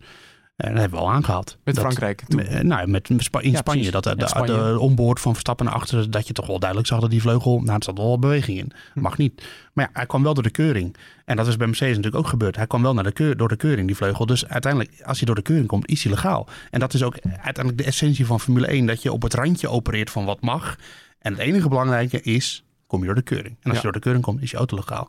Dus daar, eh, bedoel, daar, daar was ook veel verontwaardiging over. Maar dat is gewoon de essentie van Formule 1. Dat jij zo met de regels om kunt gaan. Dat je uiteindelijk in potentie op de baan de allersnelste auto hebt. die door de keuring komt. Maar wat natuurlijk mega... En om, ja, omgekeerd... Sorry, omgekeerd is het natuurlijk hetzelfde. Hè?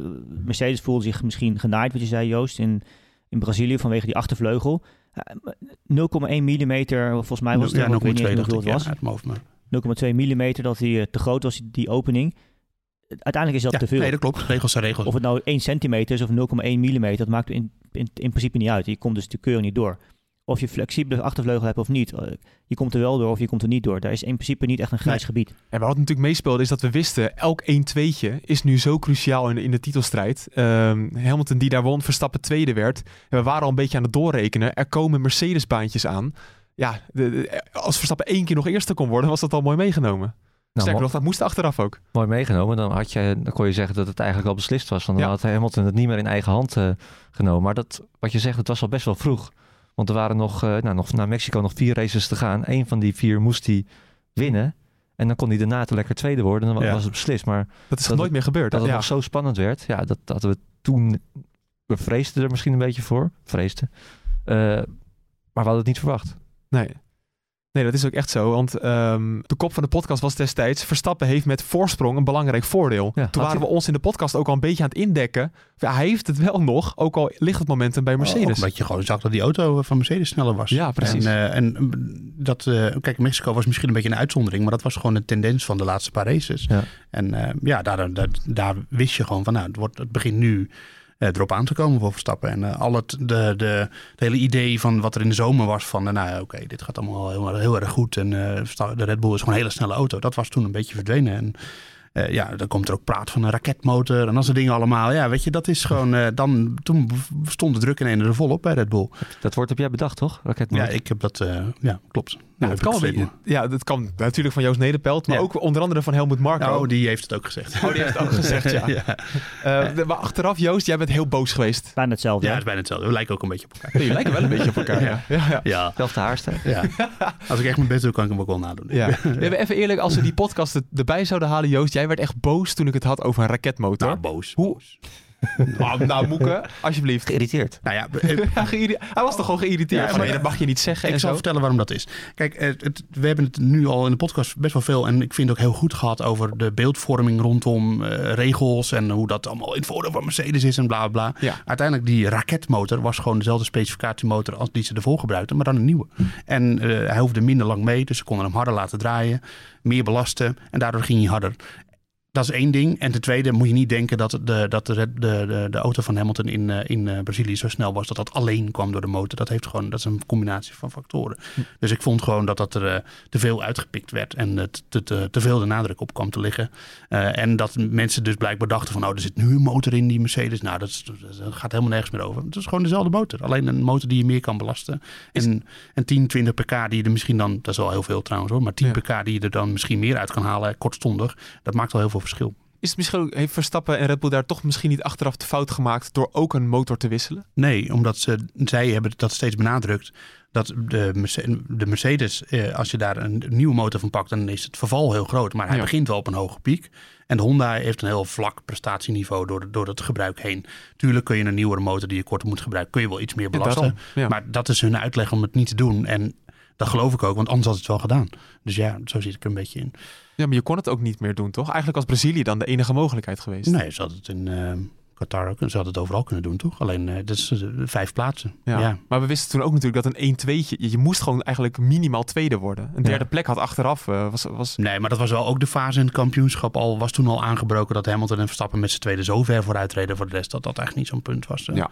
Oké. Bij Qatar, bedoel, oké, Qatar geeft misschien een beetje verte- vertekend beeld, omdat eh Perez en Bottas natuurlijk niet derde en vierde lagen, maar toen reden ze binnen een paar rondjes gewoon compleet weg bij het veld. Die twee die hebben gewoon, eh, Hamilton en Verstappen hebben dit seizoen Ja. op een exclusief eh, clubje waar is het geweest met dat- een niveau, dat is niet normaal. Dat kunnen we ook niet vaak genoeg benadrukken. Zo. Naar hoe bijzonder het was dat die twee zoveel sterker waren dan de rest. Soms eh, zonder safety cars, dat is misschien ook wel in Qatar was Ja. het volgens mij. Ja. Het hele rondje misschien wel op een veld. kun- Op, Precies, op- en, op- eh, en daarom wil ik ook echt heel graag bestrijden dat Hamilton deze titelstrijd heeft houden, dat het alleen lag aan zijn auto. Dat is gewoon niet zo. Hamilton is zelf ook gewoon een extreme klasbak. En des te mooier voor Verstappen dat hij zo'n extreme klasbak Ja. heeft verslagen uiteindelijk. Ja. Dus, dus ik, ik vind ook dat mensen die nu zeggen van nou, Hamilton die is alleen maar, dat ligt alleen maar aan zijn auto. Die halen eigenlijk de prestatie van Verstappen naar beneden. Hij heeft gewoon een zevenvoudig wereldkampioen, een van de allerbeste coureurs ooit, heeft hij verslagen. En dat maakt zijn, zijn prestatie alleen maar mooier. Dus Met- met moet een je veel juist, mindere auto. Dus als Ja. je die oranje bril opzet, moet je juist zien van wow, Hamilton is een fantastische coureur en die heeft hij verslagen. Ja. Mooi. Toch? Zeker. Op in. Zie je instemmend knikken. Ik, ik, ik, eh, ik ben Ja, met je eens. nee, het is ook zo. Ja, inderdaad, Qatar was inderdaad zo'n race waarvan we dachten... Moi, we hebben natuurlijk die gridstraf Nou, die gehad. waardoor- het nog even spannend werd. Ja. Eh, Saoedi-Arabië kunnen ook overslaan. Gebeurde ook niet heel veel. Dan naar Nee. Abu Dhabi. Nee, Nee, nee, nee, was een grapje. was een grapje. Maar Saoedi-Arabië, dat, ja, dat is ook... Dat was in elk seizoen de afgelopen tien jaar de race van het jaar geweest. Ja, maar nu misschien, Misschien, ook misschien wel. trouwens nu ook wel. Nou ja, vooral om hoe gek het was. De intensiteit ook. De En- intensiteit. En, de, de chaos. En niet, niet, niet zozeer echt om de... We hebben daar niet echt het gevecht tussen Verstappen en Hamilton gezien op de... Nou ja... ja Niet- niet zoals we dat, wilden. Nou, dat, nou ja, zonder incidentloos, laat ik het zo zeggen. Nee. Dat ze elkaar eh, sta- ze stuivertje wisselen, zeg maar. Ja. Ah, alleen, ja, nu klink ik echt ontzettend verwend. eh, Want ja, dit, dit was natuurlijk wel geweldig. Ja, het was, ehm, maar ook daarin zag je weer dat de Mercedes gewoon echt een snellere auto was op Ja. dat moment. Tenminste, dat, de, de combinatie, nu moet ik mezelf goed eh, uitdrukken, dat de combinatie Hamilton en de Mercedes, dat dat de snelste combinatie was. En eh, eh, dat het voor Verstappen gewoon eh penibel begon te worden van, eh, ja, kan ik deze combinatie nog houden met mijn eh, auto? We hebben het over het geluk gehad van, eh, van Hamilton, maar Verstappen heeft daar ook zo krankzinnig veel geluk gehad dat Mick Schumacher hem eh, in de prak reed daar. Want daardoor kwam Verstappen in een situatiehoop in dat hij Bottas in ieder geval voorbij kwam. Hij had ook de hele race achter Bottas kunnen zitten. Was hij derde geworden, was het geen kampioenschap geweest. Ja, Ja, nou, dat zou ik zo- niet willen Hoop in, zeggen. dit ik. was Maar de ik- beslissing wat- van de wel- titel. nee, ik sla weer door. Ah, wat ik wel, als ik, als ik twee stapjes terug mag gaan daar. Wat ik wel heel leuk vind, eh, wat, ik, wat, wat ik vanuit Saudi-Arabië eigenlijk geleerd heb in die zin. Nou, de baan was natuurlijk heel erg laat klaar daar. En dat, dat hebben we allemaal gezien. Dat die, dus de, de, de werkers waren nog bezig. Volgens mij terwijl de eerste vrije training bij wijze van spreken aan de, eh, begon daar. Ehm, dat, de, dat de teams waarschijnlijk niet dezelfde set van informatie hadden over de baan als die ze normaal gesproken zullen hebben. En dat, geeft ook een beetje aan hoe een Formule 1 team opereert. Hoe men alles van tevoren eigenlijk in kaart probeert te brengen. Hoe men analyseert met simulatoren al voordat ze naar een circuit toe gaan. Dusdanig goed voorbereid zijn dat ze nou, eigenlijk al bijna weten op zo'n moment hoe zo'n weekend zal gaan verlopen. Eh, Toen ze daar aankwamen in Saudi-Arabië bleek de werkelijkheid wat anders te zijn dan de data die ze van tevoren hadden gekregen. We hebben dat ook veel gehoord in commentaren van de verschillende teams. Van, oh ja, de baan is wel wat smaller dan we hadden gedacht. En het is toch wel iets minder een powercircuit dan we hadden verwacht ook. En dat heeft uiteindelijk ons mede de race gegeven die we hebben gezien, denk ik. Want daardoor waren teams die moesten in één keer veel meer anticiperen, veel meer creatief zijn in hun operationele gedeelte te- gedurende het weekend dan dat ze normaal waren. En dat, ja, dat heeft wel de boel ook een beetje opgeschud, Ja, dat denk ik. past wel bij. Dat gaf allemaal, eh, droeg allemaal bij aan de chaos. Dat weekend was een beetje chaotisch weekend natuurlijk gewoon. En, Ja. en ehm, ja, de, de- misschien wel het een van de meest bizarre Formule 1 rondjes ooit hebben we gezien daar met de kwalificatieronde van Verstappen. Al vond hij zelf zijn eh, ronde in Abu Dhabi uiteindelijk nog mooier, maar ook omdat hij die natuurlijk finishte. Ja. Ehm, ja, dat, dat was ook een bizar weekend. Maar toen, toen was het ook gewoon even de vraag van waar gaat het nou heen met die titelstrijd? Het was zo verhit, het was zo... eh, het ging gewoon over het randje eigenlijk natuurlijk. En dat incident met het, dat Hamilton achterop Verstappen reed, dat was eigenlijk een soort van... Ja, nu, nu, wordt het echt, nu begint het heel lelijk te worden. Ook omdat we Ja. natuurlijk op dat moment nog niet alle informatie hadden van wat er nou precies gebeurd was. Eh, het, begon echt een beetje een soort van eh, uit de hand lopend... Het begon uit de hand te lopen. Dat was eigenlijk een beetje, dat, dat beeld had ik een beetje erbij. Ja. En met de kennis van nu, hè, want ik vind dat leuk om nu nog één keer te oordelen over die straffen. Allereerst die, die vijf seconden van Verstappen bij de inhaalactie in bocht 1 op Hamilton, Moeken. Ja, was Achteraf Terecht. gewoon terecht, toch? Ja, maar dat zeiden volgens mij toen toch ook al. Jawel. Maar toen was er online misschien nog één iemand op Twitter die zei van... Nee, nou, maar dat komt dat omdat vond. Dat, dat komt omdat hij eh, in, eh, in, in Brazilië essentieel, in essentie deed hij hetzelfde en toen kreeg hij geen straf. Nee, precies. Dus het was vooral weer een voorbeeld van dat de regels niet consistent toe worden gepast. Maar op zichzelf was dat een eh, logisch eh, gevolg. Ja, Ehm, en die breaktest was eigenlijk ook... nou, die vind ik moeilijker. En ik, ik eh, vind nog steeds eh, dat Hamilton daar, eh, dat daar makkelijk is weggekomen. Omdat hem daar ook heel iets veel te verwijten viel. Eh, dat hebben we toen ook besproken. Wat als Verstappen gewoon stil was gevallen van de baan. Had hij me dan achter geparkeerd. ja, Ik vond het raar gedrag van Hamilton. En dat Verstappen daar dan in die situatie iets deed. Ja, ik vond het zelf... Oké, dat, dat hij dan op de rem trapte. Dat had misschien niet gemoeten. Dus je kan dat te billiken. En het was uiteindelijk een straf waar hij natuurlijk geen, die geen gevolgen had. Maar ik vond wel dat Hamilton ook een groot aandeel had. in dat dat gebeurde. Gewoon dat Ja. die situatie plaatsvond. En dat die... Ja, vond ik ook een beetje vreemd. En dat hele weekend, dat tekende ook eigenlijk de, de vooruitblik op de Grand Prix van Abu Dhabi. Ehm, hoe vaak hebben we het niet over een crash gehad, die toen eigenlijk met de kennis van nu... Nou, ging gewoon gebeuren, toch? Dat waren, Ja. daar waren we van Ja, overtuigd. daar waren we met z'n allen van overtuigd. Ja. En waarschijnlijk gewoon in bocht 1 en dan was het klaar geweest. Maar eigenlijk naarmate het weekend vorderde, eh, ik heb niet meer aan die crash gedacht op zaterdag. Nee. Nee? Toch? Nou, Nee, het was vooral, we, we dachten toen vooral vanuit een vanuit het perspectief van eh, Verstappen. eh, Hamilton is normaal gesproken sneller en hij moet iets doen. Zo Ja, zat, er, zaten precies. we er een beetje in. Tenminste, ik Ja. wel. Ja. Nee, maar woensdag hebben we, nog, hebben we nog, Joost en ik in Abu Dhabi, een video gemaakt over Senna en Schumacher. Ja, omdat in, jij dat graag wilde. Ja, in 1990 en in 94, 97. Nee, maar dat was ook terecht. Ook als je zag wat er dit seizoen allemaal gebeurd was natuurlijk. eh, Ja. En hoe Verstappen in Saudi-Arabië reed. Het, het, eh, ja, het, eh, hij deed er niet heel veel aan om het te, te vermijden. Laten we het zo... eh, En het had nog steeds kunnen gebeuren. Ook Ja. zelfs in die laatste, als hij Hamilton niet voorbij was gekomen in die laatste ronde. het ging ook bijna mis nog. Wat, wat was er dan gebeurd? Wat had hij dan gedaan? Ja. Ja. Weet je wel? Dus dat weten we nooit. Zullen we nooit weten. Gelukkig is het niet gebeurd. Nee. Nee, gelukkig niet. Nee. Weet je wat ik ook nog een heel grappig moment vind? Daar heb ik nog wat vrienden over gehad. Dat, weet je nog Leclerc die uit de pits kwam? Ja. en die dan rechtdoor schiet? Ja. En stel je voor, dat was Verstappen op Hamilton geweest. Oh, dat hebben we volgens mij de vorige podcast ook al gezegd. Maar dat, dat, dat is zo, echt zo'n kamikaze actie die dan Ja. zou mislukken. Oeh, ja. ja, Ja, Maar daar was ik vooral bang voor. inderdaad. ik ook. Dat Verstappen dus iets zou doen, maar dat het dan niet zou lukken. Dan, ben je, dan kom je er wel echt... Dat, net Schumacher 97 si- situatie. Ja. Ja, dan kom je er wel echt slecht vanaf. Ja, dan, dan Maar- is je reputatie gewoon weg. Nou, dat was voor Schumacher wel echt een deuk in zijn reputatie toen, ja. En dat En voor Verstappen dan nu in Abu had Dhabi. dat kunnen zijn, maar het is allemaal niet gebeurd. Dus daar hoeven we verder niet over Maar te dat is ook, praten. goed- ook goed om te benadrukken. Dat, dat wat er nu allemaal gebeurt, dat doet helemaal niks af aan, de, aan het kampioenschap van Verstappen. Nee, dat is die ook heeft, zo. het op de, die heeft het op de baan Nee, Verstappen gedaan. heeft niets fout gedaan. Nee, Eh, precies. ik bedoel, ik bedoel, tuurlijk, hij, eh, hij heeft eh, gewoon zondag heeft hij gewoon geluk gehad met dat die safety car kwam. Want het was uitzichtloos. Dat Ja. is gewoon zo. Maar ja, eh, die safety car kwam wel. En dan moet je handelen. En je moet een coureur nog steeds inhalen op het veld. Of eh, op de baan. Ja. Dat heeft hij gedaan. Eh, De finishvlag valt. Hij komt als eerste over de streep. Ja, hij kan er niks aan doen dat het zo liep. Hij kan er niks aan doen dat, dat eh, Michael Masi bedenkelijk heeft opgetreden. Hij heeft, eh, de omstandigheden waren voor alle coureurs uiteindelijk gelijk. En hij was de winnaar. Ja, dat is nou eenmaal eh, hoe het loopt, het spelletje. Maar het hele weekend kwam ook naar hem toe. Hè? Want Hopin, allereerst die kwalificatie, die kwam ook gewoon mega onverwachts. Dat hij op, op pole position zou gaan starten. Ja, een briljante ronde natuurlijk. En ik, je zag het ook een beetje, denk aan de gezichten bij Ja. Mercedes. Hè, bij Verstappen was het, eh, ja, natuurlijk duidelijk vreugde. En bij Red Bull ook wel, ook wel misschien een beetje verrassend voor hen. Ehm, bij Mercedes was het echt eh, van wow. En de Toto Wolff heeft het volgens mij ook uitgesproken. Hè. Het is echt eh, 1-0 voor, eh, voor Max en Red Ja. Bull op het moment. En dat, ja, zo voelde het. Ik weet ook zeker dat het zo voelde. Want dit was echt een hele weekend op dat moment toch van... Nou, dit gaat echt het teken staan van Mercedes. En je zag dat Red Bull constant bezig was, hè.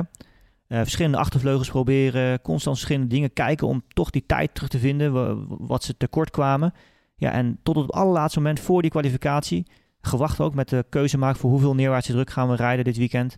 Ehm, nou, uiteindelijk pakt dat dus eh, goed uit. En op zich had ik na de kwalificatie wel van, oké, in, de, in de kwalificatie over één ronde op nieuwe banden kan zo'n keuze met minder neerwaartse druk werkt in principe wel. Omdat nieuwe banden maskeren altijd het gebrek aan neerwaartse druk een beetje. Gebrek aan grip in die zin. Ehm, maar voor de race wordt het vaak wel een ander verhaal. En zeker met de veranderingen die gedaan waren in Abu Dhabi, met die pochten die wat sneller zijn gemaakt, uh, wat verruimd zijn de radius. Um, zou slijtage, had ik wel verwacht dat slijtage iets meer een probleem zou worden. Dus de race zal waarschijnlijk wel een beetje een ander beeld worden. Misschien een beetje zoals we eigenlijk zagen in Mexico eerder het jaar, waar natuurlijk de Mercedes in één keer onverwachts snel waren in de kwalificatie en in de race gewoon tekort kwamen. Ja, maar ook, wat ook allemaal weer allemaal op zijn plek valt, is dat juist Verstappen op pole position starten, vanuit die positie een slechte start had en daardoor achter Hamilton kwam ja. en waardoor hij op het einde weer in het voordeel kwam dat hij op die soft terecht kon komen. Het valt ook allemaal op zijn plek. Daar wel, ja. daar wel. Daar, komt alles samen, ja. Nou, als we eigenlijk het zo het seizoen een beetje behandelen, we hebben het best wel veel gehad over geluk voor Verstappen. Ja, nou, maar dat, dat is ook zo. Kijk, dat zit hem soms ook in veel kleinere, meer, minder zichtbare dingen. En, uh, bedoel, en uh, ik ben er echt van overtuigd gewoon dat je onder de streep kan zeggen van, zeker na zo'n lang seizoen, van ja, het heeft die een paar keer meegezeten en een paar keer tegengezeten en andersom.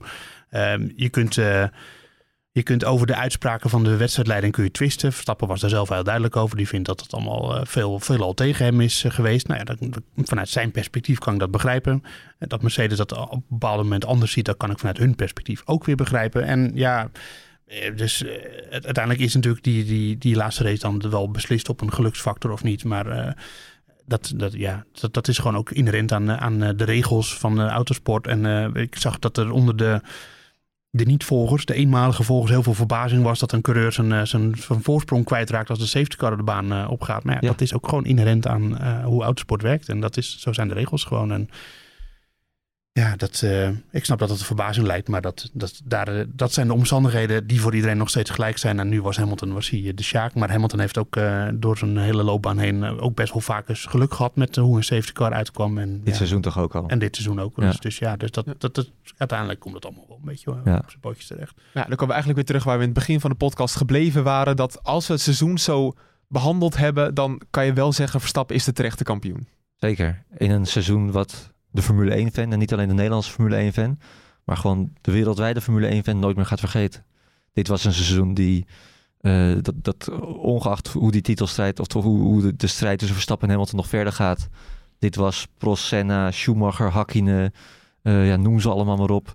Lauda, Hunt, uh, all over again. Ja, dit was ongelooflijk. Ik zoek nog even een kop voor deze podcast, Moeken. Ja? Ja, wat, wat, wat, wat als, als je een kop voor, als je nou zelf nu de kop mag maken voor de podcast. Nou, dit, dit was. Ja, overzicht F1, dubbele punt. Dit was het beste seizoen ooit. Ben je het daarmee eens, uh, Joost?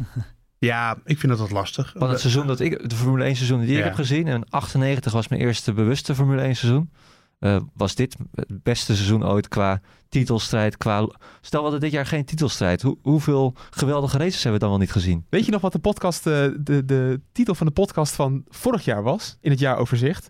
Met titelstrijd was dit het beste seizoen ooit. Nou, dat was het uiteindelijk ook. Ook een beetje door corona en alles. Ja, precies. Maar je moet ook, uh, ook niet vergeten, dat hebben we denk ik dit seizoen ook een paar keer gezegd, hoeveel uh, Grand Prix er leuk werden omdat de titelstrijd er was. Ja, dat is ja. ook waar. En uh, als die titelstrijd er niet nooit was geweest, als de ene coureur 100 punten voor had gestaan, dan waren die races veel saaier geweest. Maar nu was het, ging het ergens de spanning om. bleef er continu dat, Ja, dus dat... ik denk dat uiteindelijk dat dat het ook leuk is dat je gewoon eh, in het seizoen eh, een paar keer best wel veel momenten hebt kunnen zien dat Verstappen zelf doorslaggevend was. En dat het niet alleen om de auto ging. Ja. En, en uh, dat geldt ook voor Hamilton op bepaalde momenten. Um, maar voor Verstappen denk ik onder de streep net iets meer. En dat hij heeft uiteindelijk zijn auto overtroffen zelf. Uh, en uh, op momenten. En dat vind ik gewoon heel knap. door de schade te beperken, maar ook door races te winnen waar hij niet het beste materiaal had. Maar ook dan moet je ook niet vergeten, dat, is ook, dat klinkt makkelijker dan het is. Maar op het moment dat hij wel het beste materiaal is, heeft hij dat ook heel vaak gewoon heel goed benut. En, uh, en als je nu terugkijkt naar die fase, bijvoorbeeld Italië, uh, Rusland en zo, dan had Hamilton wel het beste materiaal en toen benutte hij het niet. Dus dan is het uiteindelijk ook gewoon echt, een, het is niet voor niets de rijderstitel en die heeft Verstappen terecht gewonnen. Opin, ben je het eens met de kop van deze podcast?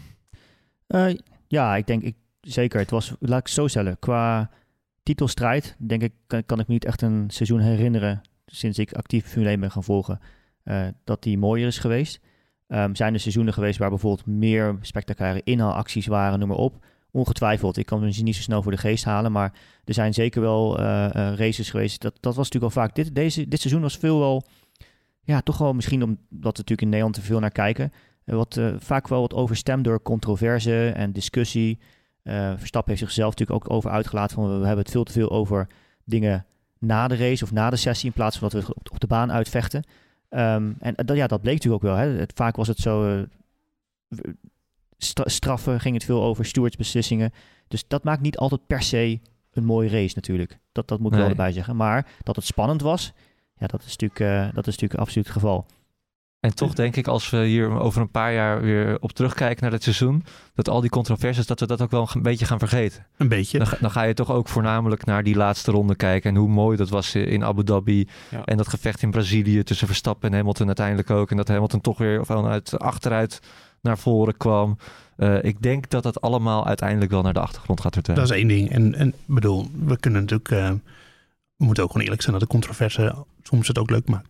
Een beetje. Dat is ook zo. En er was dit jaar gewoon te veel, maar een beetje controverse Hoort er ja. ook gewoon bij natuurlijk. En Zolang dat, het maar geen politiek is zoals we dat vroeger uit de Formule 1 kenden. eh, Nee, ja, en de, precies. En eh, we hebben dit jaar af en toe, wel ging het gewoon te ver, maar af en toe was het ook gewoon, eh, ja, ik bedoel, eh, ook een schreeuwende Toto Wolf over de boordradio, die, die gaan we niet meer Is toch vermakelijk? Het is, dat, is, heeft ook, dat draagt ook allemaal bij aan wat het een mooi seizoen maakt. Want het was gewoon een, het was vooral gewoon een ontzettend intens seizoen. Dat, dat begon in de eerste race en het, het, het heeft nooit meer losgelaten. Het is gewoon zo intens geweest.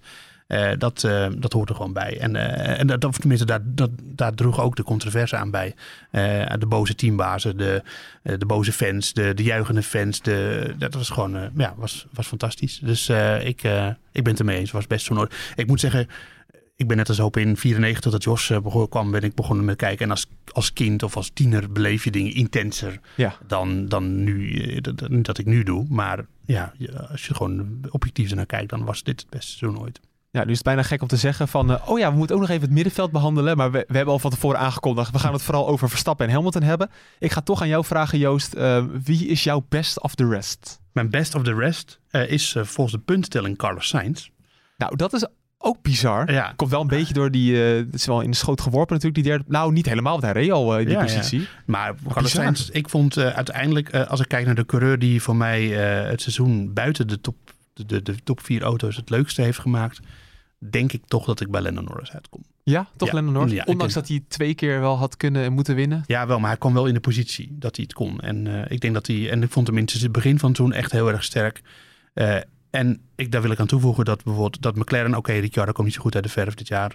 Maar McLaren en, eh, en, en, en Ferrari, allebei, die hebben allebei steengoede coureurs.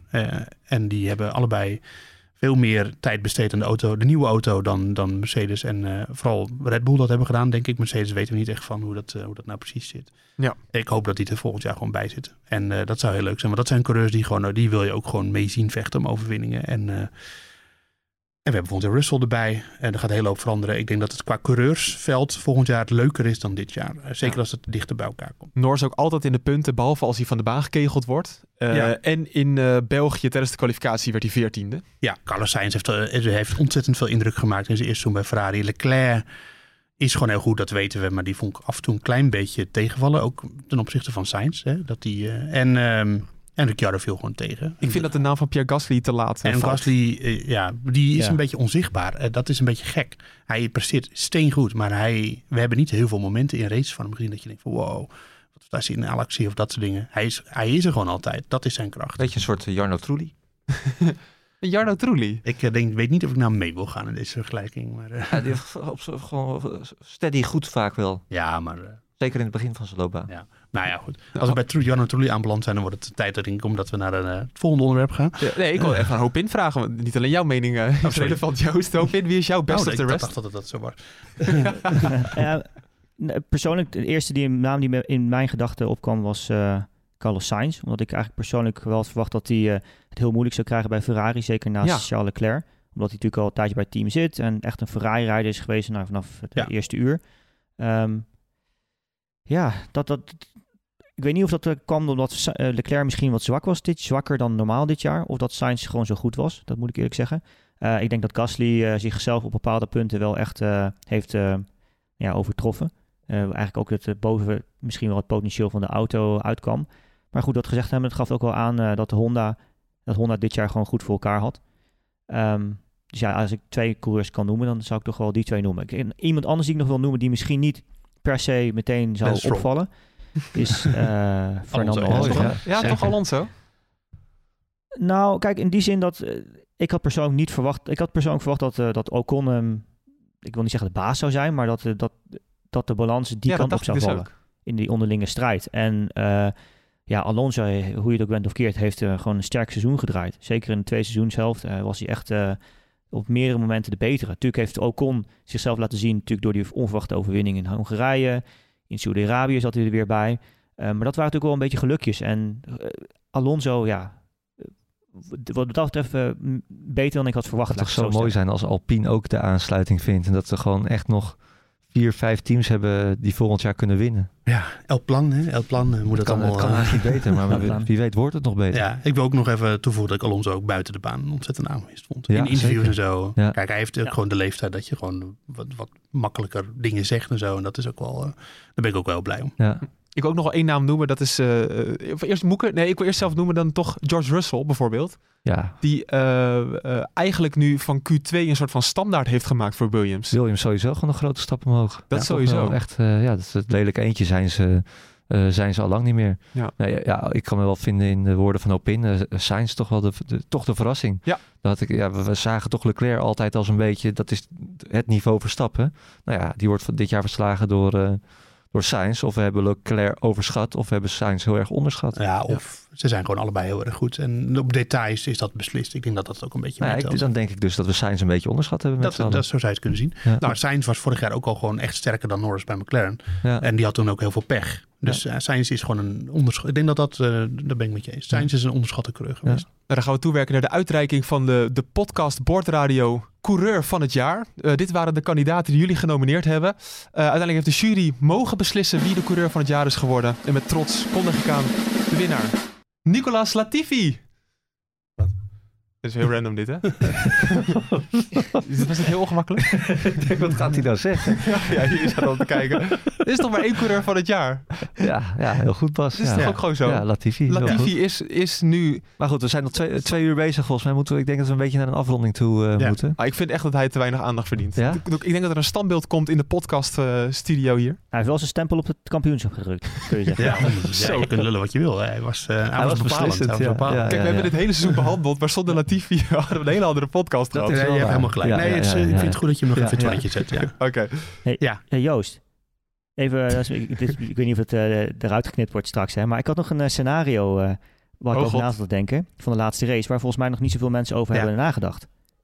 Namelijk dat eh, door de situatie zoals die eh, eh, eigenlijk eh, was, hè, dat dus eh, Michael Masi voor koos om niet alle auto's zich, zichzelf te laten Ja. aanlappen, maar alleen de auto's tussen Hamilton en Verstappen in. Iedereen ging natuurlijk ervan uit, hè, dat was eigenlijk ook een beetje te zien aan het rijgedrag van Verstappen, wel in zekere zin van als ze elkaar raken, als ze van de baan vliegen met z'n tweeën, dan wint Verstappen Ja. het kampioenschap. Maar omdat niet alle auto's zich mochten aanleppen, was het zo natuurlijk dat Verstappen en Hamilton, of in dit geval eigenlijk Hamilton en daarna- daarachter Verstappen, de eerste twee auto's waren van de auto's op één ronde achterstand, als ze niet Ja. zouden zijn gefinished. En in dat geval was Lewis Hamilton als tiende gefinished en Verstappen als elfde. Jeetje. En dan was Hamilton kampioen geweest. Ja, dit, Ik heb de, ik heb de reglementen nog even geweldig. nagekeken. Eh, Sommige kampioenschappen moet je namelijk rollend over de finish komen om eh Ja. geclassificeerd te worden. Maar in het Formule 1 Sporting Regulation staat van ehm, dat in principe, eh, nou, het gaat alleen om de leider. En als het gaat om de rijders die eh, dezelfde aantal rondes hebben afgelegd, gaat het erom wie van die rijders als eerste over de streep is gekomen bij, die, bij Ja. dat aantal rondes. Wat in dit geval ja, die natuurlijk was was geweest. Dus Ja. eh, ik ga Mercedes Zo. even, even, Ja, dat, was een, dat was een pikant scenario geweest. ik ga Mercedes even bellen. Want ik denk dat ze toch nog wel weer in beroep willen gaan. Dus dit weet. Maar, jammer, maar jammer dat dan eh, niet 9 en 10 was geworden. Want Verstappen had weer de snelste ronde. En dan was hij door die snelste ronde alsnog Oh. kampioen geworden. Ja. ja. Zo, dat was een ding geworden. Dat, ja. Nou ja, dat Nou, is- geweldig. Nee, die heeft hij toch pas in de Ja, laatste die ronde gepakt laatste ook? ronde Was hij wel de laatste ronde ja, pas? was de laatste ronde. Hamilton Ja. had de snelste Ah, ronde. Ja. Nou, daar mijn verhaal. Ehm, we, we moeten nog één Ja, andere ja. award uitreiken. En dat is natuurlijk die voor de winnaar van het Nieuwsport GP-spel. We hadden eigenlijk vorige week al verklapt wie, de, wie de winnaar is geworden. Maar we gaan er toch nog even een officieel momentje van maken om de podcast hiermee af te sluiten. ja Als ik- mensen nog zijn, eh, aan het luisteren zijn. even de top 5 op noemen. Want ik denk, ja, als je niet gewonnen hebt, dan wil je in ieder geval een keertje genoemd eh, worden. In ieder geval in de uitslag. Ja. Met een eervolle vermelding voor P2 van der Horst. Dat is eigenlijk een beetje de Max, Max Verstappen van dit Formule 1 seizoen geweest. Met een slechte afloop. Want die heeft het hele jaar bovenaan gestaan. En in de laatste paar races is het volledig misgegaan. Eh, P2 is als twaalfde geëindigd Nee. zelfs. Ja, ja, ja. P2. Maar P2 is wel bij deze, eh, ja, Vriend van de show. vriend van de show. Nummer 5, Stefan Kemp. eh 1953 punten. Roelie 23 op P4. 1957 punten. Bart Elshout op P3. 1964 punten. Ik zeg P3, het moet een gedeelde tweede plaats zijn met Daniel Meilwijk. Allebei op 1964 punten. En er kan er maar één de winnaar zijn. En dat is toch echt onze grote vriend eh, Volkan Chapkoert. Ja, Ja, en eh, we, een, een, een, een eh, bon bij de kartfabriek. hij wint een bon bij de kartfabriek. Ja, ja dat, Dat is wel we, vet. mochten we weggeven. Weet ja. hij dat eigenlijk wel? Nee, dat weet hij nu. Nee, Dus ja. ja, ja, als de lockdown eh, voorbij is of als het weer mag. eh, ik, mag je karten nu nog? Volgens mij wel. Ja, Ja? zeker. Ja. Oh ja, nou, ja ga, ga, ga lekker karten, Volkan. Dus eh, Maar deze podcast duurt twee uur. Ik hoop dat hij dit gehaald heeft. ja, Anders weet hij nooit dat hij naar de kartfabriek mag. Nou, ik denk dat hij wel tot het eind geluisterd nou, we heeft. nemen wel Of contact je kan altijd doorspoelen. Ja, precies. Dat wel Volkan die zal willen weten wie het, eh, hoe het is geëindigd. Ik heb even- even snel er doorheen. Onze eindstand. Joost plaats 280. Uitstekend, heel goed. Ben Ja. ik heel blij mee. Ja. Toch ben je de Nicolas Latifi van, eh, van het GP-spel. Ja, ja, ja, Ja, met, ja. met beslissende momenten. Ja, precies. Ja, ja. Plaats 108 Bas en ik op plaats 69. Mijn favoriete plek. Nee, dat is Nou ja. Wat ordinair dit zeg. Nee, dat was een grapje. We hebben echt op plaats 69. Ja, je verzint het niet. Ja, Oké. man. Mooi. Geweldig. Nou, dit, eh, dit was het, eh, mannen. Dit was eh, het jaaroverzicht van Verstappen en Hamilton in de Formule 1. Ehm, ik wil jullie heel erg bedanken voor dit krankzinnige seizoen. Ehm Hopin, ik wil jou bedanken dat je erbij bent gekomen. En ondanks die ene luisteraar die teleurgesteld is Ja, dat jij erbij bent gekomen, toch fijn dat je er was. Ja, nee, laat het niet zo, eh niet, niet zo kinderachtig nee. zijn. Hè? Dat vind ik ook wel een Ja. beetje... Nee, maar hij zei soms dat je... Nee, eh, uiteindelijk, eh, ik, weet je wat het is? Ik, eh, dat, heb, dat schreef ik ook op mijn eigen Twitter. Uiteindelijk is het zo dat de mensen die eh, eh, gewoon opbouwen en goede kritiek leveren, daar, daar leer je uiteindelijk ook het meeste van. En eh, dat, eh, daar, dat die, die kritiek neem ik wat dat betreft ook Ja. ter harte. En eh, dat heeft er denk ik ook tot geleid dat ik eh, nog dieper over bepaalde zaken nadenk en met een hopelijk nog beter verhaal eh, ben gekomen dan eh Dat is je gelukt. was. Ja, Dus- absoluut. Zeker. Nee, Ja, je bent een enorme moet erbij zeggen voor dat de je oorspronkelijke verhaal ook gewoon al goed was. Dus. Ja, maar eh, het is altijd goed om dingen nog verder uit te typen. en Ja. Waarom dingen zo zijn. Nee, zeker. Joost, ik wil jou ook echt bedanken voor al jouw technische duidingen weer. Eh, ik heb eh, nog nooit in de seizoen zo vaak het woord rake gehoord. Ben ik heel blij Daar mee. zijn we volgend jaar vanaf. Dan heb je geen reek meer. Mooi, dat-? Een raketmotor ook toch? Raket- Eh, Oh, eh, raketmotor. Ja, die heb je volgend jaar wel. Ja, ja, ja. Ja, Moeka, dit was voor jou het seizoen waarin je iets minder complotjes had. Gelukkig. Kwam een beetje bij zin, hè? Zijn we daar blij mee eigenlijk? Ja, zeker. Dat was goed dat we Complot Corner eh, voorgoed achter ons hebben gelaten. Terwijl het wel het seizoen was van de complotjes eigenlijk. Nee, Ja. dus niet juist. tot, tot de laatste ronde. Ik ga er een hele winter over nadenken of ik toch niet iets eh, gemist heb. Nee, helemaal goed. Hij Nou, gaat de hele winter op YouTube kijken en dan eh, komt hij wel, komt hij Ja. wel met wat terug. Dat is waar. Nou, wij gaan ook eh, onze winterslaap in. En dan komen we zeker in het nieuwe seizoen komen we terug. Of wij in de tussentijd nog wat dingen gaan doen, dat weten we nog niet. Maar we hebben wel plannen om wat bonusafleveringen te maken. Misschien duiken we wel de geschiedenisboeken in. Misschien gaan we wel uitleggen wat DRS is. Eh, daar hebben we het namelijk ook wel eens over nagedacht, toch? Dat wil onze hoofdredacteur dat heel graag. Ja, Ja. De, de mensen die naar ons luisteren weten dat natuurlijk al. Ja, Eh, we hebben wel eens over nagedacht. Zeker die na twee uur nog aan het luisteren zijn. ja, Ja, we gaan, zullen we afsluiten? Ja. We komen zeker dit nieuwe seizoen komen we gewoon weer terug. Eh, de bordradio blijft gewoon bestaan. En we gaan zeker door met podcast maken. Hopelijk ook in dezezelfde eh, formatie. En dan gaan we het al meemaken. Bedankt voor het luisteren. En tot volgend seizoen bij een nieuw seizoen van de Formule 1. En laten we hopen op een nieuwe titelstrijd tussen Max Verstappen en Lewis Hamilton. En alle anderen, hoop ik. Oh ja, en alle anderen. Ja. En veel Ja, andere. daar kom je daar. Toch ook? Nou, doe je. Nieuwe auto's. Nieuwe auto's. Nou, Nieuwe daar moeten we ook nog over hebben. Nee, nee, Nieuwe nee. banden. Nee, dat doen, we, dat doen we dan wel in een bonusaflevering. Hoi hoi. Ciao.